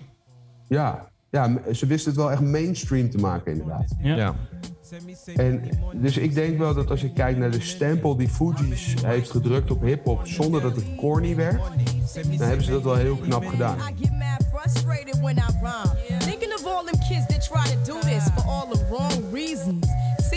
Change, mad things rearrange, but it all stays the same. Like the love Doctor Strange, I'm tame like the rapper. Snapper when they do that. Got your whole block saying true that. If only they knew that. It was you who was irregular. Sold your soul for some secular music actors whack. Plus you use that loop over and over, claiming that you got a new style. You're attempts of you. Je hoort de Fugees. How many mics? Afkomstig van het album The Score. We hadden het er net al met, eh, met René over. Steven, wat is, wat is jouw connectie met dit album? Want we hebben hier al... Eigenlijk weet ik het al. We hebben hier vaker over gediscussieerd. Eh, we gaan twee albums bespreken. Ja. Eén is denk ik one of your all-time favorites. Namelijk Tupac's All Eyes On Me. Ah, Maar daar hebben we heel veel over te vertellen. Dus ik denk laten we eventjes beginnen met, met, met deze. Ja, is goed. Wat is, je- wat, wat is je connectie met dit album? Het ligt, ik, ik ben er nu nog aan het achterkomen welke soort van mood ik in ben op dit moment. Ik heb soms momenten dat ik denk, wat een classic. En Mhm. andere momenten denk, dat ik denk, what a drag. En eh, d- ik denk dat Vooral de waarheid die- ergens in het midden ligt voor mij. Voor jou wel, inderdaad. Voor jou is het vooral die What a Drag waar we het vaak over hebben gehad. Want ik heb vaak tegen je gezegd van... oké, de score van de Fugees is een classic record. En dat je... Well, is it? En dan gaan we erover in gesprek. En dan merk ik dat er best wel een negatieve toon bij jou hangt. Maar eigenlijk, je hebt hem wel in je collectie. En Zeker. you do like the record. Ja, ik heb, ik heb hem hier voor me liggen nu. En Wat- het is, eh, het is ook... ja, ik weet niet, misschien is het meer een soort van... ehm, zo'n zo'n overrated, underrated-achtig ding. Dat het Mhm. wordt altijd genoemd in al die 90s classics. En eh, het is niet voor niks dat we het nu bespreken tegelijkertijd met All Eyes on Me. Ze kwamen op dezelfde dag uit. Ja. En, dan- je zou denken dat eh, eh, de, de ene plaat is ondergesneeuwd door de andere. Ja, Maar dat is eigenlijk niet zo. Want beide hebben denk ik op een hele andere manier een impact gehad. Wij kijken nu natuurlijk in deze Ja, podcast zeker. vooral eh, vanuit onszelf. Maar ook ehm, door de bril van Europa. Ik kan me voorstellen dat in Amerika... en vooral in, in, in L.A. bijvoorbeeld... All Eyes on Me veel groter was... en All- de Fugees ondergesneeuwd was. All Maar- Eyes on Me is als Avengers Endgame eh, en Infinity War in één, zeg maar. Een dubbel album wat ineens naar binnen knalde. En Ja, maar de Fugees, de score was natuurlijk in Europa best wel groot... omdat ze al een paar hits hadden gehad. ja, Dus net, net als wat, wat, eh, eh, wat René net had toen we het over een cassettebandje hadden. Van hoe leg je dat uit? Wat daar zo bijzonder aan is. Zo kan ik ook niet uitleggen wat dit album zo goed maakt. Want eh, wat ik volgens mij ook al eerder zei. De filler tracks. Tenminste wat je snel de filler tracks zou noemen. Omdat Ja, wat- er zoveel nou ja, singles op staan. precies. Dus wat zijn niet, mijn favorites. Wat niet eh, Killing Me Softly of Ready or Not is, dat zijn jouw favorites. Ja. Ja, nou, kijk, Ready or Not is classic. Als ik moet kiezen tussen Fujila, eh, Killing Me Softly of Ready or Not. Sorry, Ready or Not is de. Ready or Not is wat paparazzi van ex, voor Exhibit Oeh, is. ja, maar dan misschien nog wel Is groter. Ready or Not voor de Fugees. Maar groter, want Ja, maar in Europa, kijk, jij was natuurlijk jonger toen die tijd. ik was eh 4,5. Damn. Eh, ik weet niet meer precies wanneer eh, eh, paparazzi uitkwam van, van Exhibit. Maar mij volgens mij ook 96. same era, misschien Ja. iets eerder. Hetzelfde jaar volgens mij. Dat waren wel grote hits in Nederland. Ja. Dat, dat, dat, dat hoorde je op de radio, dat was op tv te zien. Ehm, Maar Tupac ook wel, toch? ja, maar dat is het vreemde. Kijk, in het voorgesprek hebben we het hierover gehad. Ehm, dit album, de score van de Fugees, is zo gelinkt aan mijn jeugd, omdat ik hem ook had. Ja. Maar Tupac ook. Maar ik kwam er in één keer achter dat toen ik dus bewust naar de Fugees luisterde, ik Tupac wel kende, maar niet bewust met Tupac bezig was. Nee. Het voelt altijd alsof ik Tupac pas echt heb leren kennen op het moment dat hij overleden was. Ja, nou ja, dat is voor mij zeker het geval. Het All Eyes on Me is wel mijn eerste album van Tupac. Maar die heb ik pas gekregen in eh 2003, denk ik, of zo. Of twee, zoiets. Als kind zag ik California Love wel op tv. Ja, So I know about that shit. Ik vond het dope als kind. Maar ik was denk ik nog net te jong om, om die connectie erbij maar bij te jou kwam de Fugees dus harder binnen. Oh, hell toen yeah. dat zo was. Nou, Ja, misschien ehm, moet je uit gaan leggen waarom. En dan kunnen we in gesprek komen. En ik denk dat we wel iets... eh, Ik denk dat als je het in een soort van, hè, dat is mijn mening, als je dit in perspectief plaatst, zet, ehm, dat dit album een soort, het heeft en een laag zoals Most Def eh, Black on Both Sides had. Dus een beetje mhm. die raucous era, die, die, die hard-hitting hip-hop met veel low-end erin, weet je wel, veel bass en shit. De hoes lijkt er ook op qua kleur ook. Ja, soort of. Ja, eigenlijk dezelfde kleur inderdaad. Ehm, maar snap je wat ik bedoel? Het heeft een bepaalde soort raucous era Ja. sound. Maar omdat het die hits heeft, staat dat soort van heel raar naast elkaar. Dus ik denk wat jij zegt met, met, met ben je ervoor in de stemming? Ik heb heel veel sessies dat ik dit album luister en de singles skip. Maar op andere momenten heb ik heel veel zin in de singles. Ja, de singles kom ik... eh, eh, nou, Ready or Not kun je voor mij elke, elk uur van de dag opzetten. En Mhm. dan ga ik er keihard op. Misschien moeten we die even aanzetten ook. Ja, ja, Of, of, of misschien wel eh, die, die, die sample die erachter ligt. Laten we dat daarna doen. Laten we eens Ja. even een stukje luisteren van Radio Not. Is eigenlijk ook niet nodig. I- iedereen kent het nummer. Maar het Ja, is gewoon fijn om is eventjes die eerste uithaal. dat is een goed excuus, toch? Here I come, you can't hide. Gonna find you and take it slowly. Ready or not, here I come. Gonna find you and make you Yeah. want me. Now that I escape, sleep, walk away. Yeah. Those who correlate know the world ain't cake. Jail bars ain't golden gates. Those who fake, they break. When they meet their 400 pound mate, if I could rule the world, everyone would have a gun in the ghetto, of course, when get the up and on their horse. Kick around drinking moonshine. I pour a sip on the concrete, but it is cease, but no, no, we the the state of Ja, wat, wat, is het, wat is het daarmee? Want there's, a, there's like a little story there. Ja, ik, ik zat het eh, in de aanloop naar deze eh opnamesessie waar we nu mee bezig zijn. Eh, Goh. ja, wow. Captain Obvious in the building. Eh, zat ik natuurlijk de, de score nog even te luisteren. En Mhm. ehm, En ineens raakte ik me bewust van de timeline in verhouding tot andere platen waar dit aan gelinkt is. Nou, je hoort Mhm. Lauren Hill hier op de achtergrond If I Ruled the World zingen. Ah, rule the world. Precies. En je denkt direct aan de track Oh. van haar en Nas. Precies, maar die kwam pas in juni uit. En het is, die, die line op zich is een verwijzing naar een 80s track van Curtis Blow, geloof ik. Ja, Curtis Ehm, Blow. dezelfde tekst en dezelfde melodie. Mhm. Dus ehm, Maar oké, denk jij... Wacht even. eh, je zegt het kwam in juni uit. Wanneer kwam dit album uit? 13 februari, dus. Ja, Ehm, van 96 allebei, voor ja. de duidelijkheid. Kan het zijn dat Lauren Hill een soort van idee heeft gesparkt bij Nas om dan If I Ruled the World te doen? I Of waren know. de Er zijn- opnames al geweest zijn en meerdere gaf ze een scenario's. soort teaser? Er zijn een aantal scenario's die ik kan bedenken. Misschien zijn er nog meer. Die kun je misschien komen eruit. Maar er is een scenario dat naast al een tijdje. Er is een scenario dat die track al een jaar was opgenomen. If I Ruled the Mhm. World. In aanloop naar It Was Written. Dat die single er al lang lag. En eh, dat zij in een sessie daarna dacht. Ha, ik doe gewoon een verwijzing naar die track die straks een wereldhit gaat worden. Weet je? Hey, even wachten. Ik wil even over dit stuk hebben.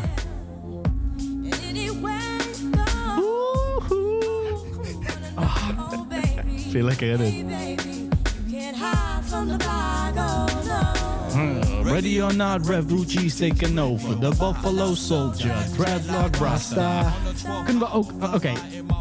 I want to give my flowers to two people. Want iedereen kent Wyclef Jean. En Wyclef Jean is soort van de R&B P. Diddy.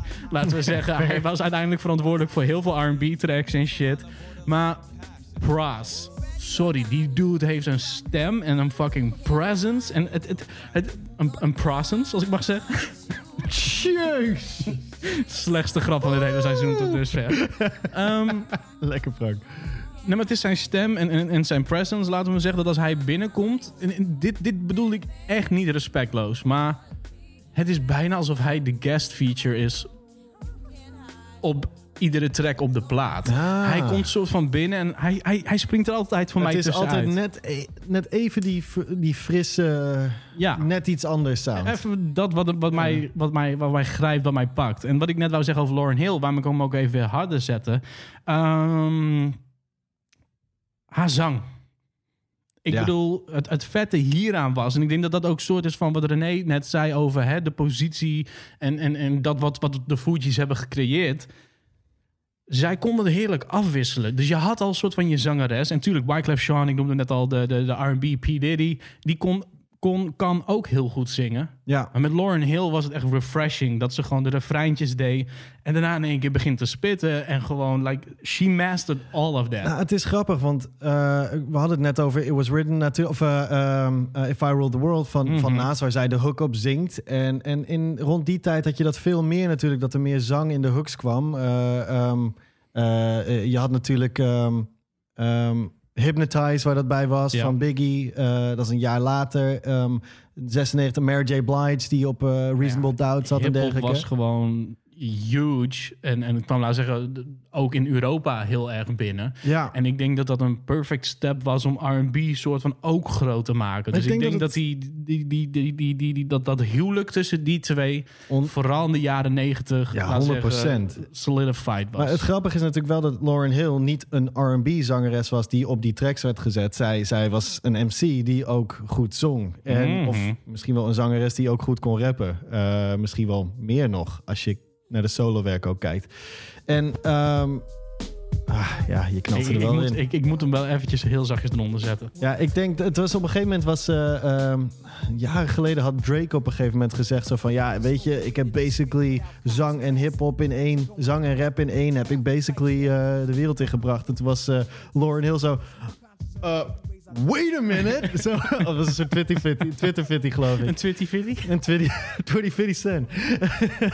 ja, dus ik, zij heeft gewoon enorme invloed gehad. En, ehm, eh, en misschien wel zoveel invloed dat ze inderdaad naast heeft geïnspireerd. Of om, eh, heeft geïnspireerd om die track aan te passen. I don't know.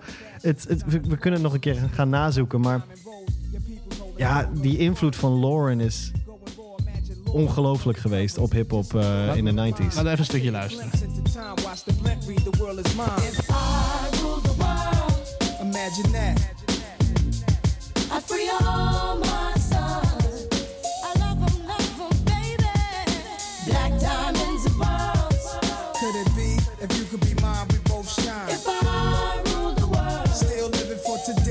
in these last days way to be paradise life relaxing. Black Latino and Ik, ik snap niet dat ik dit nog niet eventjes heb opgezocht in de tussentijd. Maar jij moet dit weten als, als Naas kennen, Naas liefhebber. Ehm, is er een versie waar Lauren Hill een verse op doet van dit nummer? Oeh. En if not, why not? Omdat Naast nog beter is. But it would have been really interesting. ja, maar er zijn heel veel dingen die heel interesting zouden zijn met Lauren Hill. Bijvoorbeeld een eh, sophomore record van haar, solo. Mm. Never happened. Nee. Nou ja, die, eh, die MTV Unplugged met eh, Mystery of Iniquity en zo natuurlijk. Maar Ah, verder is ze, het, zij, zij is heel, ze is gewoon heel erg recalcitrant of mysterieus. Ze heeft gewoon nooit meer een album uitgebracht. Terwijl ze dat, die soloplaat... Eigenlijk een beetje wat we ook al zeiden over Biggie's Ready to Die. Zo van, ik, ik tel Live After Death niet mee als een, Ja, als maar- een Biggie album. Maar hij is wel opgenomen in die tijd. I know, dit hoef ik niet weer te zeggen. Maar Maar Biggie had geen keus. nee, maar- Lauren die leeft gewoon nog. True. maar het is wel iets als een, als een groep of een artiest maar één album heeft uitgebracht. Dat het ook een soort van iets met zich meedraagt. Dat, je, dat als het album echt goed is, dat je altijd afvraagt hoe zou het geklonken hebben Ja. als dit nog, nog Ja. verder was gegaan. Ja, they never got a chance to fuck up, zeg Nee. maar. Of never took that chance, I guess. Maar Ja. goed, eh, eh, terug naar dit, naar dit album. Als er één track is die jij moet noemen naast Ready or Not, heb je dan eentje waarvan je denkt dat dat, dat, dat moet je draaien? Oeh, ja, er zijn wel een aantal. Trouwens, ook voor een plaat wat zo fucking pop is, laten we maar zeggen. eh, eh, eh, eh, als je er naar terugkijkt. Iets wat gewoon in Nederland huge was. Pretty fucking dope dat de Outsiders erop staan. Ja, ik wou net zeggen, Cowboys is eh, die track, D. toch? Waar, eh, Ja. Wil, je, wil je een stukje Cowboys? ja, dat is een van mijn Olé. low-key favorites. Ja. like, let's do this. Gewoon even een stukje. You wanna be a cowboy? Well, I want to be a cowboy. Everyone wants to be a cowboy. Grab your gun, boys. Ole. 45 by my side, do he live? No. Zin. Zin, zin, zin, zin, zin, zin. You shot your bullet, but the bullet went. Desperado. You work for rude boy. I pull out my gun and plug two like True Goy. Why clef? Pace one. Yo, this is how the West was won. Our motto. A true desperado. Rappers wanna be actors, so they play the Jesse James character. And get they bones fractured. You ain't got no guns, you off to the precinct. Inside, tough guys are feminine like Sheena Easton. But Christ, but Christ's son still died. Thrown off the building like the fall guy. Caved in the grave cause Er komt nu pas na jarenlang deze, deze plaat luisteren iets bij mij binnen.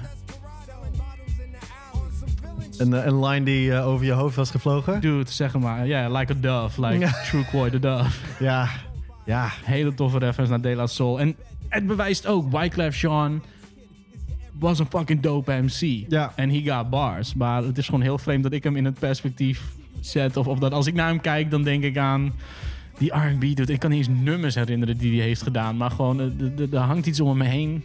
Waardoor ik hem soort van de R&B P. Diddy vind. Ik begin steeds meer te begrijpen waarom jij zegt dat de B-sides je favorite zijn. Want als ik inderdaad, ja, eh The Mask weet ik dat een favoriet van jou is. Cowboys vind ik heel Oh, wacht even, wacht even, wacht even, wacht even. We gaan, je gaat niet even de mask We gaan niet even Ik in passing ik- ik- noemen. Oké, inderdaad. Ik moet dit even uitleggen. Eh, ehm, eh, mocht je bekend zijn met hoe een basgitaar werkt, dan zal je denk ik heel snel begrijpen wat ik bedoel. Zo niet. Ehm, als je een snaar aan slaat, wat doe je? Sla, sla je de snaar aan? Mhm. Je, je, ja. hem, je, je, kan van hem. Ja. Ehm, en je hebt hem op een. Ja, hoe heet dat? Ik speel geen gitaar, dus ook geen basgitaar. Weet je, je, je, plaatst je, Op een fret. op een fret. Ja, En je sleept hem van de ene naar de andere. Dan heb je zo'n ja En zoals, dat eh, is fucking gaal als je dat in een baslijn hoort. Weet je, ik bedoel, als je een upright bass hebt, bijvoorbeeld, die gewoon heel erg los is. Gewoon. Ja. Dat geluid, echt serieus, dat, dat, dat, dat, dat. 808's worden soms zo geprogrammeerd dat je die, die glide erin hebt om dat Mhm. effect in een digital bass te krijgen. Maar Dude, ja, 1997 is het toch? zes. 96. Ja. Oké, dus ik was 10. Ja. Deze shit, hè. Ik denk dat ik echt gewoon de speakers van mijn ouders heb gemold. En iedere keer als ik deze track hoorde, dacht ik, what the fuck is that? En toen ik erachter kwam wat het was, echt, let op. Ten eerste die intro. Have you ever worn the mask? Yeah. En dan normaal gesproken is eigenlijk, denk ik dat nu de beat erin knalt. Maar dan komt er even een kleine bridge. One, two, one, two. Oké. Kijk, dit is dope. Dit is dope, maar... Ah, laten we even luisteren. Let op die bas. M to the A to the S to the K. Put the mask on the face just to make it next day. Feds be hawking me, jokers be stalking me. I walk the street and camouflage my identity. My posse in the Brooklyn wear the mask. My crew in the Jersey wear the mask. Stick up kids with the boogie woogie with the mask. Oh, en dan hoor dit.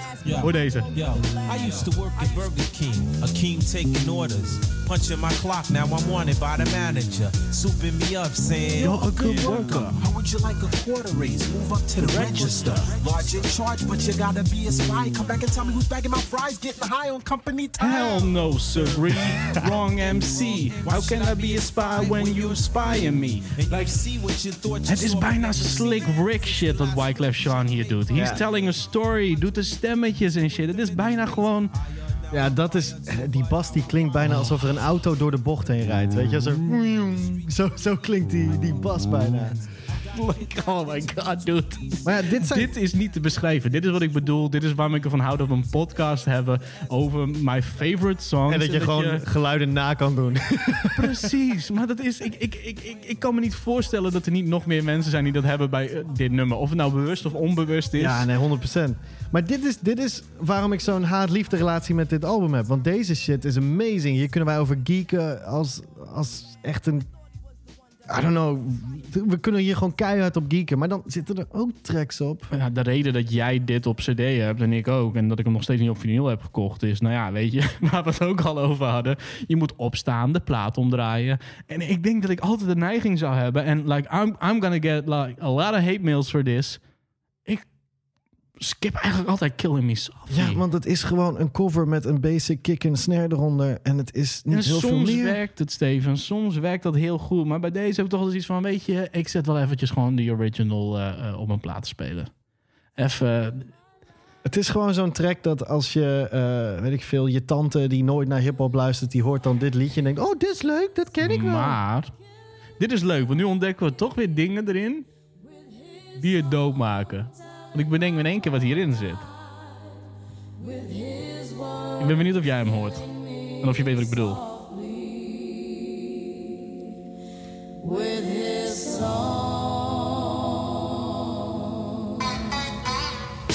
Benita Applebaum. Als er iets is wat dit nummer doet, is zorgen dat ik direct Tribe Called Quest op wil zetten. ja nee, je, komt dus, je zet deze plaat op en zodra kant 2 komt, denk ik, Killing Me Softly is ongeveer halverwege, Vast. dan, dan denk je, oh, laat ik try. Precies. maar dan mis je wel de mask en cowboys. Ja, dan mis je dus heel wat goede maar no woman, no cry. Ja, Like, ah, I don't need that. nee, ik dat, hoef dat- niet een, ja, een, dan vind ik de original gewoon, ik hoef niet een action versie van nee, een classic song te luisteren. nee. Het, het doet het hem net niet. Maar wat ik zeg, daar tegenover staan tracks. Het is echt zo, zo van, eh, yo, mogen we eh, No Woman No Cry, mom? En dan zeggen we, hebben No Woman No, Cry, at home. en dan kom je thuis, krijg je de Fugees. Ja, godverdomme. ja, daar zet ik die plaat niet voor op. En dat is, en dat is kut, want dat zijn soort van de most notable tracks. Als mensen zeggen, Mhm. eh, de- als ze het over deze plaat hebben, dan noem je Ready or Not, fucking Ja. classic. Fujila. Ja, maar dan ook Killing Me Softly, No Woman No Cry. En denk ik, ja, is dit het? Weet je, als er, zijn goede cover songs in hip-hop, weet je? Ik bedoel, Mhm. fucking, fucking uh, Ladi Dadi en, en, en de Snoop-versie daarvan en shit. Ja, Of I dus love, If I Ruled the World van Nas en Lauren Hill. I love that shit. Het, het kan goed gaan. Ik vind het niet zo interessant hier. En dat heeft altijd een soort van. Die tracks die, die, die trekken me eruit of zo. Ik word dan, ik word dan een beetje ja, raak afgeleid, wil iets anders gaan doen. En dat is voor mij de reden dat dit net niet zo'n classic is als het had kunnen zijn. Ik ga iets heel tegenstrijdigs zeggen. Ik vind het aan de ene kant een ontzettend, los van de tracks die ik minder vind, solide album. Eén geheel, sterk, Ja? consistent, als ik dat mag zeggen. Aan de andere kant voelt het soms aan als een verzamel-cd door die koffers. Ja. Eens. En dat is denk ik wat ons soort van fuckt hierboven Ja. in onze bovenkamer. Dat wij altijd zoiets hebben van, yeah, it's a classic record. Er staan goede dingen op. Maar als we dan, wat wij doen, ook gewoon, laten zeggen, los van de podcast... erover in discussie gaan of in gesprek gaan... komen we er altijd achter dat dat stukje bugt ons ontzettend. Ja. Dus het is bijna... ehm, wat nu soort van nog meer annoying is op Spotify. Dat je soms gewoon een aantal singles hebt die al, al tig keer hebt gehoord. En dan luister je het album en dan heb je de neiging om de singles te skippen. Omdat er soms tegenwoordig echt een half jaar tot drie kwart jaar tussen zit. Klopt. Was toen trouwens ook al wel zo. Maar dit is zo'n album juist omdat die nummers zulke hits zijn geworden. Dat je denkt, yeah, yeah, I know this song. Ik wil nog even weer genieten van die bassslide van The Mask. Ja, ja, ja. Ja, dat 100%. En heb ik dit gezegd net met, met Wax toen we daarmee in gesprek waren? Ik weet niet meer, maar dit nummer, Kill Me Softly, stond in mijn muziekboek op de Oh ja. middelbare school. ja, en ja. ja, het Net was gewoon zo'n ja, het was gewoon zo'n standaard voorbeeld zo van dit is wat hip-hop is. Nee, dit, dit is gewoon een cover met een hip-hop drum eronder. Dat is Mhm. niet. Dus dat zit bug me ook altijd erbij. Ik, ik, ik, Er zitten gewoon te veel dingen waardoor jij ja, denkt... maar ik weet niet of dat helemaal eerlijk is tegenover dit album. Misschien is het meer Nee. de, de context, mijn eigen herinneringen met die plaat en, en losse tracks daarvan. Maar Zullen we nog even één momentje pakken? Even één track van dit, van dit album. Wat Even een gewoon- highlight. Wat, wat echt een highlight is. Ja, voor mij sowieso. One, two. Set this off like this. Hip hoppers, check it. Another MC loses life tonight, Lord. I beg that you pray to Jesus Christ. Why? Oh Lord, Father, don't let him bury me. Whoa. I horn MCs like Mephistopheles, bringing swords Damocles. Secret Service keep a close watch as if my name was Kennedy. Abstract rap simple with this street format. Gaze into the sky and measure planets by parallax. Check out the retrograde motion, kill the notion of biting and recycling and calling it your own creation.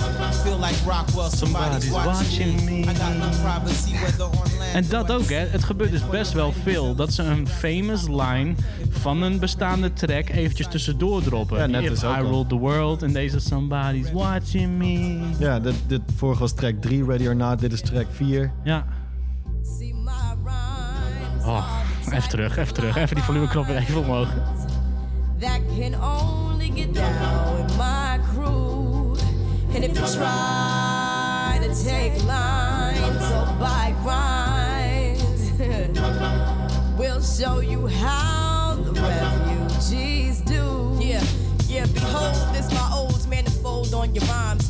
Two MCs can occupy the same space at the same time. Weet dat we het nummer ondertussen langzaam moeten uitveden. Maar je wil ook gewoon Nou, even die paar stukjes van Lauryn Hill horen. Als we er doorheen lullen, mogen we doen wat we willen. Oh my god, dit, dit, dit is een hoogtepunt. Ehm, voordat we naar Tupac's All Eyes on Me gaan, eh, moeten we nog eventjes het moment pakken om even twee original samples hiervan te noemen. Dat is iets wat in het begin van Homebase zat het in iedere aflevering. Had ik de original sample van de week. In de playlist trouwens is die nog steeds te vinden. De Kink Homebase playlist op Spotify, Apple Music, YouTube en Deezer. Iedere week pak ik daar een, eh, een original sample om mee af te sluiten. En daarna de track die gebruik heeft gemaakt van dat nummer. Maar ik wil nu eigenlijk wel eventjes twee samples even laten horen. Just because. Als je het nog niet weet, dan weet je het nu. Als je het nog niet wist, dan weet je het nu. En, eh, If you eh, don't know, now, now you know. En je gaat in ieder geval gewoon even een hele goede track horen. Even twee classics, maar vooral deze. My love must be a kind of blind love. De Flamingos. See anyone but you. I only have eyes for you. Komt-ie. Shababadabab. Oh. Shababadabab. Oh my god, dude. Ja, ik deed jazz hands erbij. En dit is waarom ik niet onze podcast in videovorm wil gaan uitbrengen. Ook al gaan we dat doen. Want jij wil het juist daarom. Precies.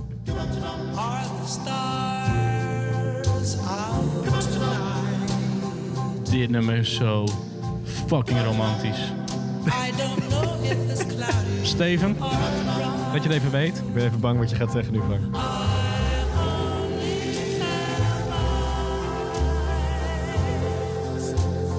For you. Uh, would you say you have all Eyes, on, me. oh my god, dude. Mag ik die andere sample ook nog eventjes draaien? Dat mag. Ja, we hebben een perfect bruggetje, maar je mag. Je mag. Ja, oké. Ik, ik, ik moet het eventjes doen. Eh, praat jij eventjes door terwijl ik de sample erbij pak? Gewoon eventjes, omdat dat het even net iets makkelijker maakt voor mij. Eh nou, het hoeft eigenlijk niet, want ik heb hem ondertussen al te pakken. Ah, ja, weet je, jij gaat zo snel. Je hoorde dus net de Flamingos, I Only Have Eyes For You, gebruikt door de Fugees op de track Zealots. Eh, we gaan nu luisteren naar het nummer van Enya. Ben je niet bekend met Enya? Vraag eventjes aan je moeder van, hey, hey man, wat is Enya? En waarschijnlijk kan ze je precies vertellen wat het is.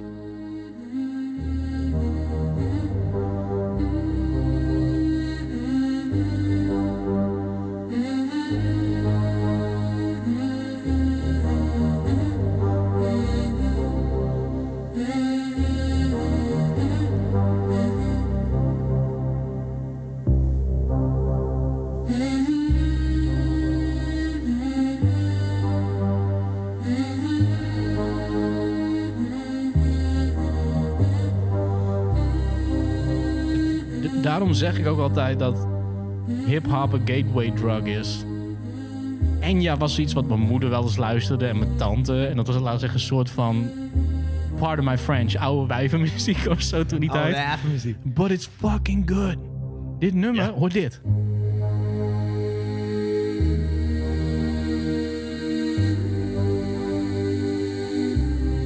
En als je nou denkt, dat moet ik samplen. Nou, dit stuk heeft de Oslo Possie al gesampled. en het andere stuk eh, hoor je dus bij Fuji's op Ready, eh, Ready or Not. Ik zou willen dat ik de titel kon, eh, kon, kon, kon uitspreken hier. Maar ik vroeg net aan jou, Steven, hoe spreek je dit uit? Want jij bent de taalwetenschapper. Ja, dat is altijd zo'n leuk excuus voor jou. Zo Bo Boadicea?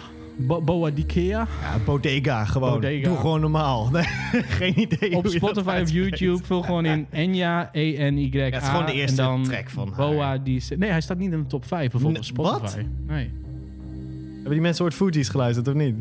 Nee, maar weet je waarom dat is? En ik, ik weet dat we hier zijn om het over de Fuji's te hebben en om het over Tupac te hebben. Maar eh, ehm, gewoon eventjes, als we dan toch bezig zijn. Het is ons feestje, wij mogen doen wat we willen. Dit is natuurlijk hun grootste hit van één jaar.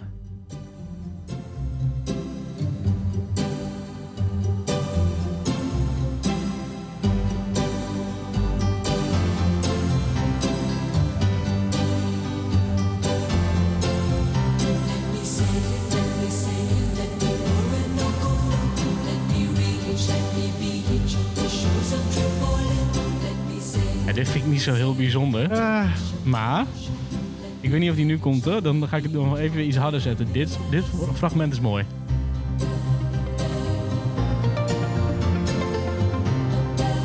Ja, dat is die...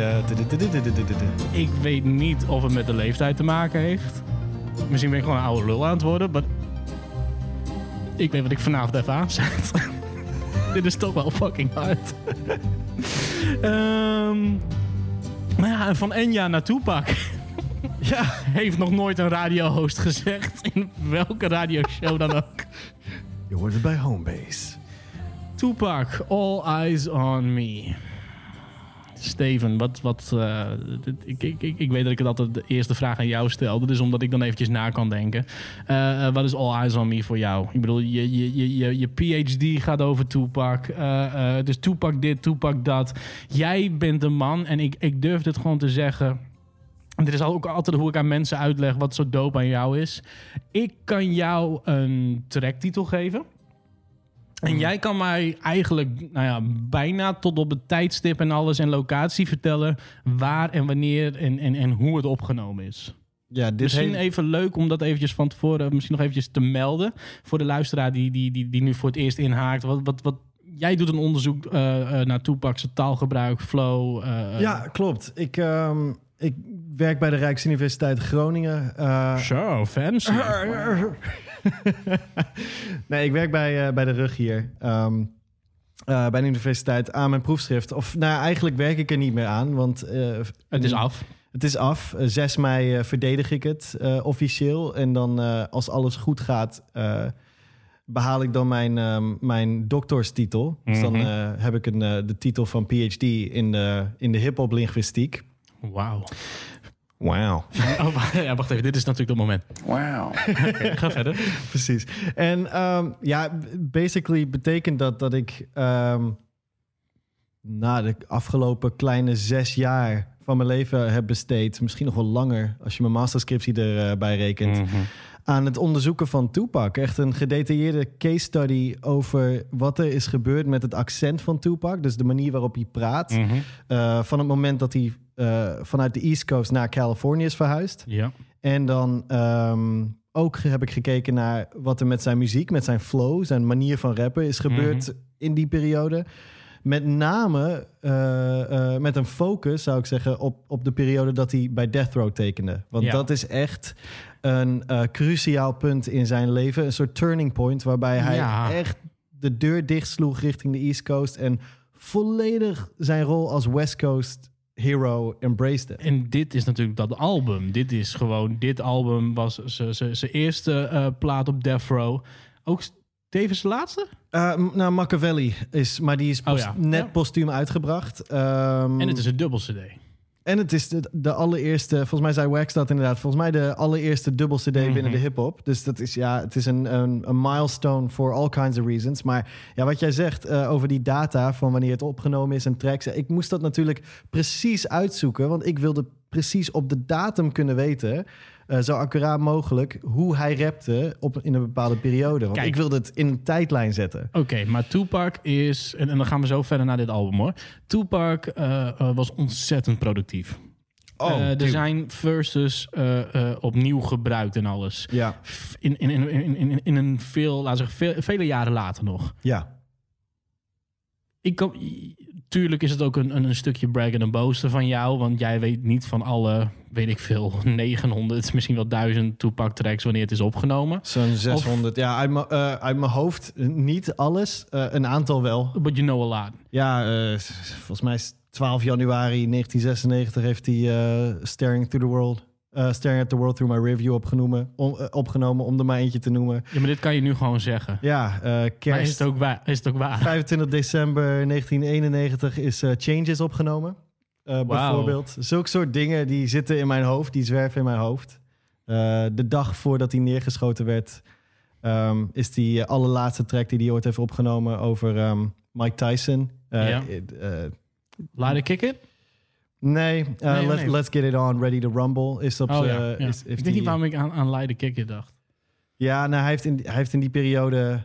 Hij heeft zoveel opgenomen in die periode. maar, Mhm. maar deze plaat is ehm, eigenlijk bijna volledig in twee weken opgenomen.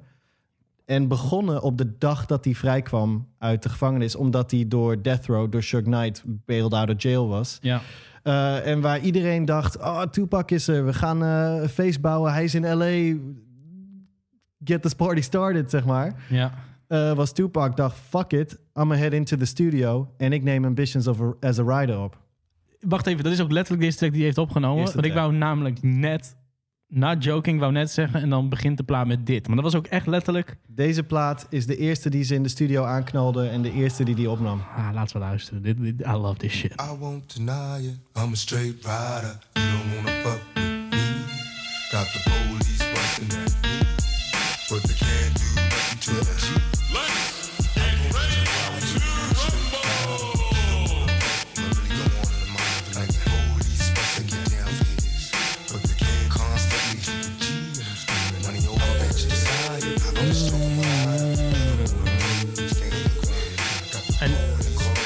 vind ik ook het dope aan deze track. Aan het einde heb je nog even dat moment dat je even alleen die... Nog even door hoort lopen. Ja, En dit, dit is iets wat ik liever niet doe. Maar we gaan het nu toch doen. We gaan, ik denk bijna gewoon iedere track even snel doornemen. Want direct na die laatste... Komt direct... Oh god. It's all about you. Say it's all about you. For the bitches that think it's all about you. Drew down in the house with my boy Piznock, you know what I'm saying? They all about you. Yeah, I'ma say it's all about you, but you're not lying now. yeah, yeah. You probably took it as the last trick. Wanna laugh at how I got my ass caught up with this bad bitch? Thinking I had her, but she had me in the long run. It's just my luck, I'm stuck with fucking with the wrong one. Wise decisions, based on life we live. Scandalous times, Maar- games like my Ik, religion. ik, ik, ik heb het volgens mij al eerder gezegd, ook toen we het er met René over hadden. Ik zou van deze twee platen een prima album kunnen maken. Ja, duh. Nee, want maar deze bedoel- twee platen zijn al een all-time classic. Nee, er, er staan voor mij wel veel fillers op waarvan ik denk, ah, niet nodig. Maar terwijl ik naar deze lijst kijk, moet ik ook zeggen dat ik denk, oh verdomme, er staan eigenlijk best wel meer bangers op dan ik me kan Als jij nu een playlist maakt van Tupac Ja. en hij mag uitgebreid zijn, Ja. dan skip je alleen maar... Hearts of Man. Nee, dat is een van de beste, man. Nee, je skipt waarschijnlijk Watch Your Phone Number, want die beat en flow is heel weird. Oké. Die haalt je helemaal eruit. Maar de skit is funny. Hmm. Oké. Ik zei net, we gaan even door het hele album heen. Ik denk dat we dat niet gaan doen. Maar ik weet wel dat we heel veel Maar gaan we, hadden- draaien. we zouden het kunnen doen. Wat en ik denk dat wij een- nog wel een keer een nog uitgebreidere Tupac special gaan doen. Deep, deep, deep, deep dive. Tegen de tijd dat die PhD van mij eh, binnen is. En ik officieel als eh Dr. Steven Gilbers Hierover mag praten. mag gaan praten. Lijkt me te gek om te doen trouwens. Gaan we doen. Ehm, als je één track mocht kiezen van dit album.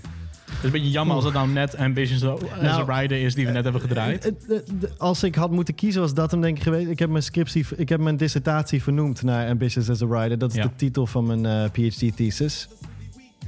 Ehm, als ik een andere zou moeten kiezen, damn, wat stel je mij een vraag, joh?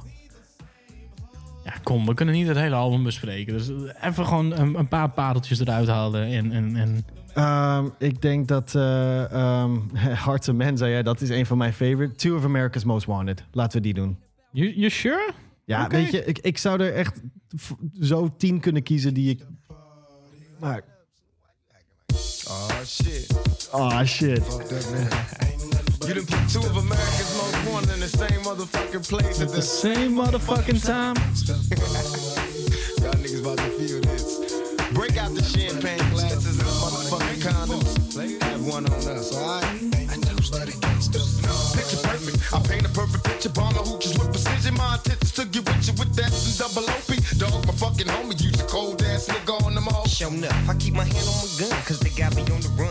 Now I'm back in the courtroom, waiting on the outcome. Free Tupac is all that's on the niggas' mind. But at the same time, it seems they trying to take mine. So I'ma get smart and get defensive and shit. And put together a million march for some gangster shit. So now they got a slate. Two multi-millionaire case. Ja, weet je wat het is met, met Tupac? Ik heb... ehm, ik zit nog even terug te denken aan dat gesprek wat we net over Biggie hadden met Wax. Mhm.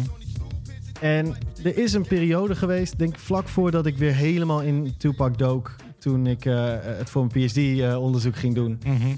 Dat ik Tupac iets lager had gerankt eh, in mijn top of all time MC's dan nu. Nu staat hij sowieso altijd in de top 3, soms op 1, soms op 2. Oké, even, even, even, whip, even, even, even, even, even een sidestep. Ja. Eminem voor jou.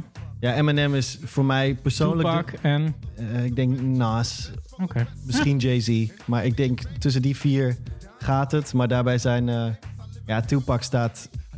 Ja. Ja? Ja. He's up there. Wauw.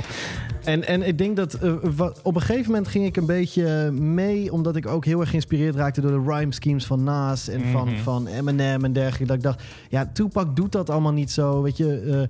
Het is net niet zo intricate, dus hij heeft echt al die soul en die feel in zijn rap, maar het is niet technisch misschien de beste rapper. En toen ging ik denken aan, aan lines zoals hier, picture perfect, I paint a perfect picture. Ja. En, ehm, en die shit die, op, die die op If I Die Tonight doet, Mhm. eh, op de plaat daarvoor, Me Against the World.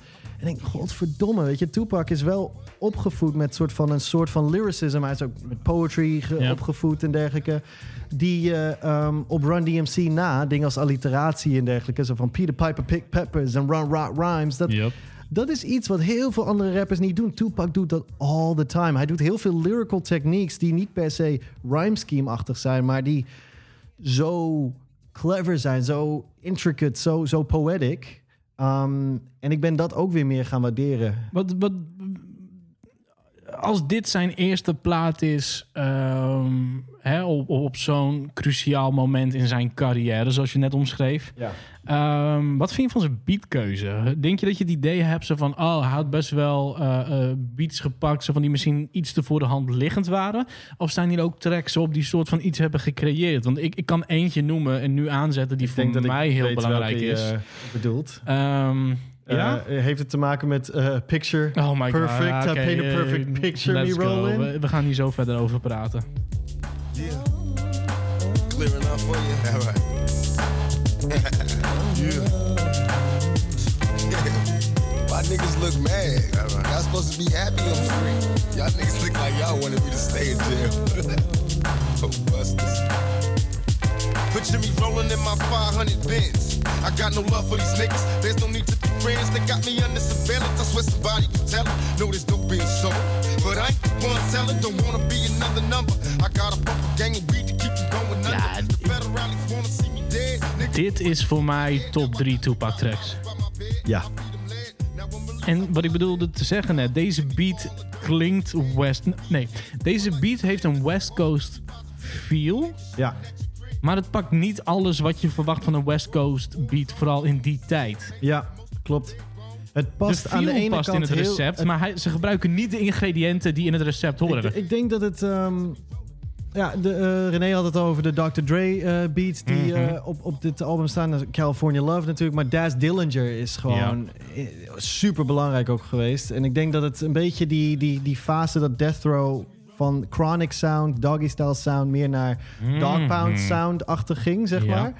Ehm, Funny dat je dat zegt, want Daar Death is- heeft inderdaad ook een verandering doorgemaakt ja, en, en, en, kwam. en dat is dit. Het is gewoon zo, zo jammer dat binnen een jaar nadat hij er kwam, dat hij het, ja, het is voor alle, allerlei redenen jammer. Mhm. Ook voor mijn onderzoek, want ik had een mooi eindpunt van waar zijn ontwikkeling stopte. Maar goed, weet je, ehm, Death Row is gewoon bij, basically gewoon gekapt op het moment dat Tupac doodging. ja.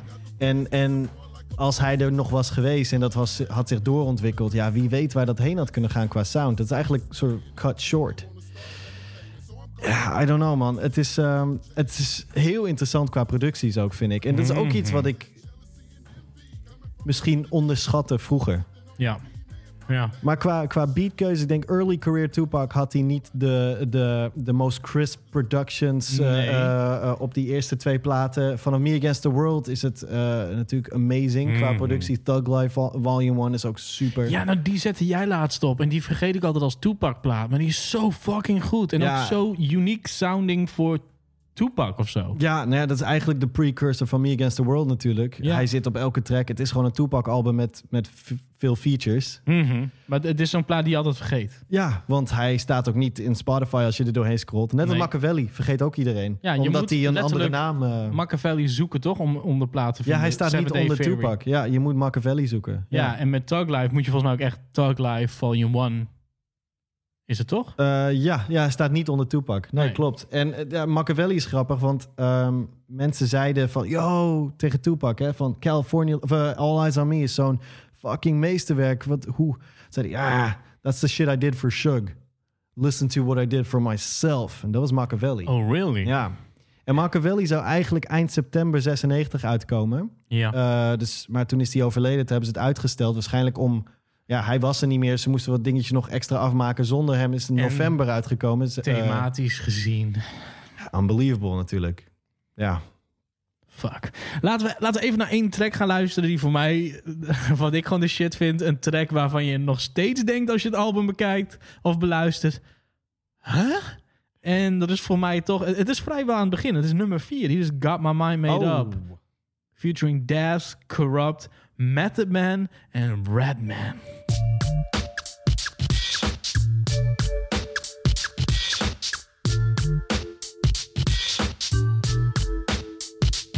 You find an MC like me who's strong. Leave motherfuckers aboard with no verbal support. And when I command the microphone, I get as condo. With a bear and a snake and a panda among those who can't withstand the more power I gain and make it possible for me to drop few direct to brain. Imagine to keep on wishing the Ja, we, hadden dit nummer natuurlijk ook al eerder in de show besproken. Maar het voelt voor mij aan als, als, als eh, wederom een perfect huwelijk tussen de East en de West Coast in dit geval. Ja. Behalve dan dat hij de East een- Coast constant voorop aan het schelden is. Maar Ja, qua maar sound wel, ja. Met de Man en Redman staan er wel op. Ja. En, en, en ik bedoel niet alleen qua MC's, maar ook gewoon qua beat. Want het begint met een... Ja, ik, ik vind zelf toch eigenlijk best wel een East Coast-achtige beat. Alleen dan komt dat typische West Coast geluid erbij. ja, met die, die Mook-achtige... Ja.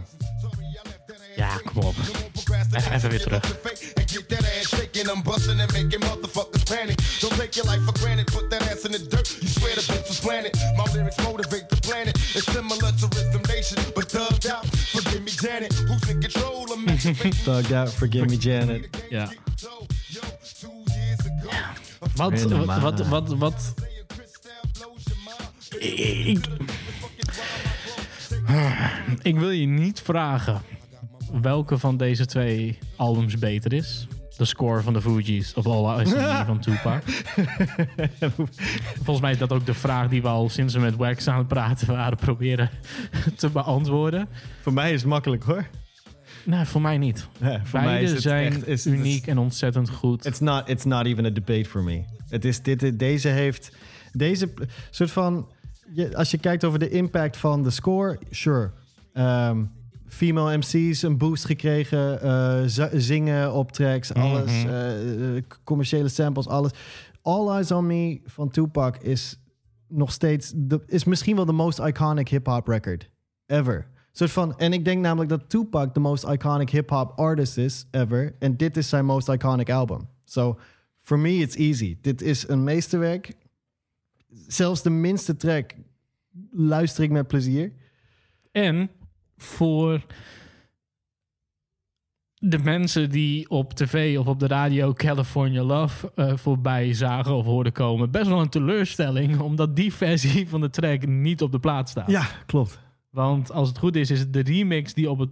Ja, de, de California Love remix staat op de plaat. Die trouwens een eigen video heeft, wist je dat? Het is gewoon, Nee. een, is gewoon een pool party. Uh, all out. uh, Really? Ja, maar check maar. staat op YouTube. Gaan we zo wel even kijken.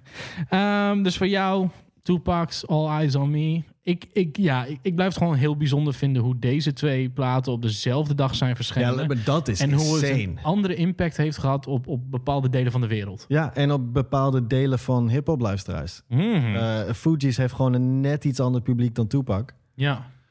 En ehm, ja, weet je, het, voor mij is het gewoon als, als deze plaat, eh, en ik hou nu de score eh, vast, als die een maand later was uitgekomen en we hadden het over, eh, we hadden het dan, over- dan was ik zoveel positiever hierover geweest dan nu. Mhm. Want nu wordt het juxtaposed met fucking. Met de plaat waar ik letterlijk mijn carrière aan te danken heb, zeg maar, als, eh, als wetenschapper. Kunnen we er dan wel gewoon eh, eh, ehm, tot het besluit komen dat beide platen eigenlijk gewoon in je kast zouden moeten staan? Laat ik het zo zeggen. Als jij op 13 februari 1996 eh, de platenzaak inliep en je had geld genoeg voor twee, twee platen Waren dit ze? en je kocht niet deze twee, dan ben je niet goed bij je hoofd. Tot zover deze aflevering van Homebase. Mijn naam is Frank Stevens. Mijn naam is Steven Gilbers. En je hoort ons over twee weken weer terug in een nieuwe aflevering.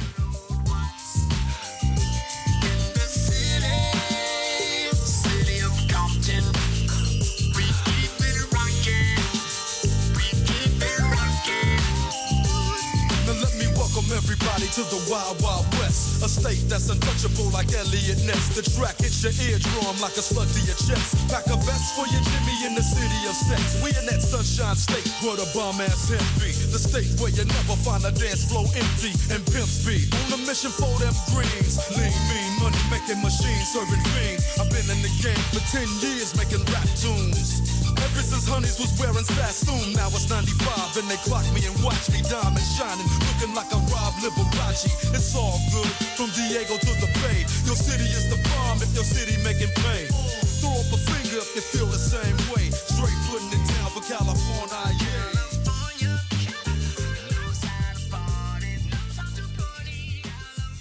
Dit is een podcast van Kink.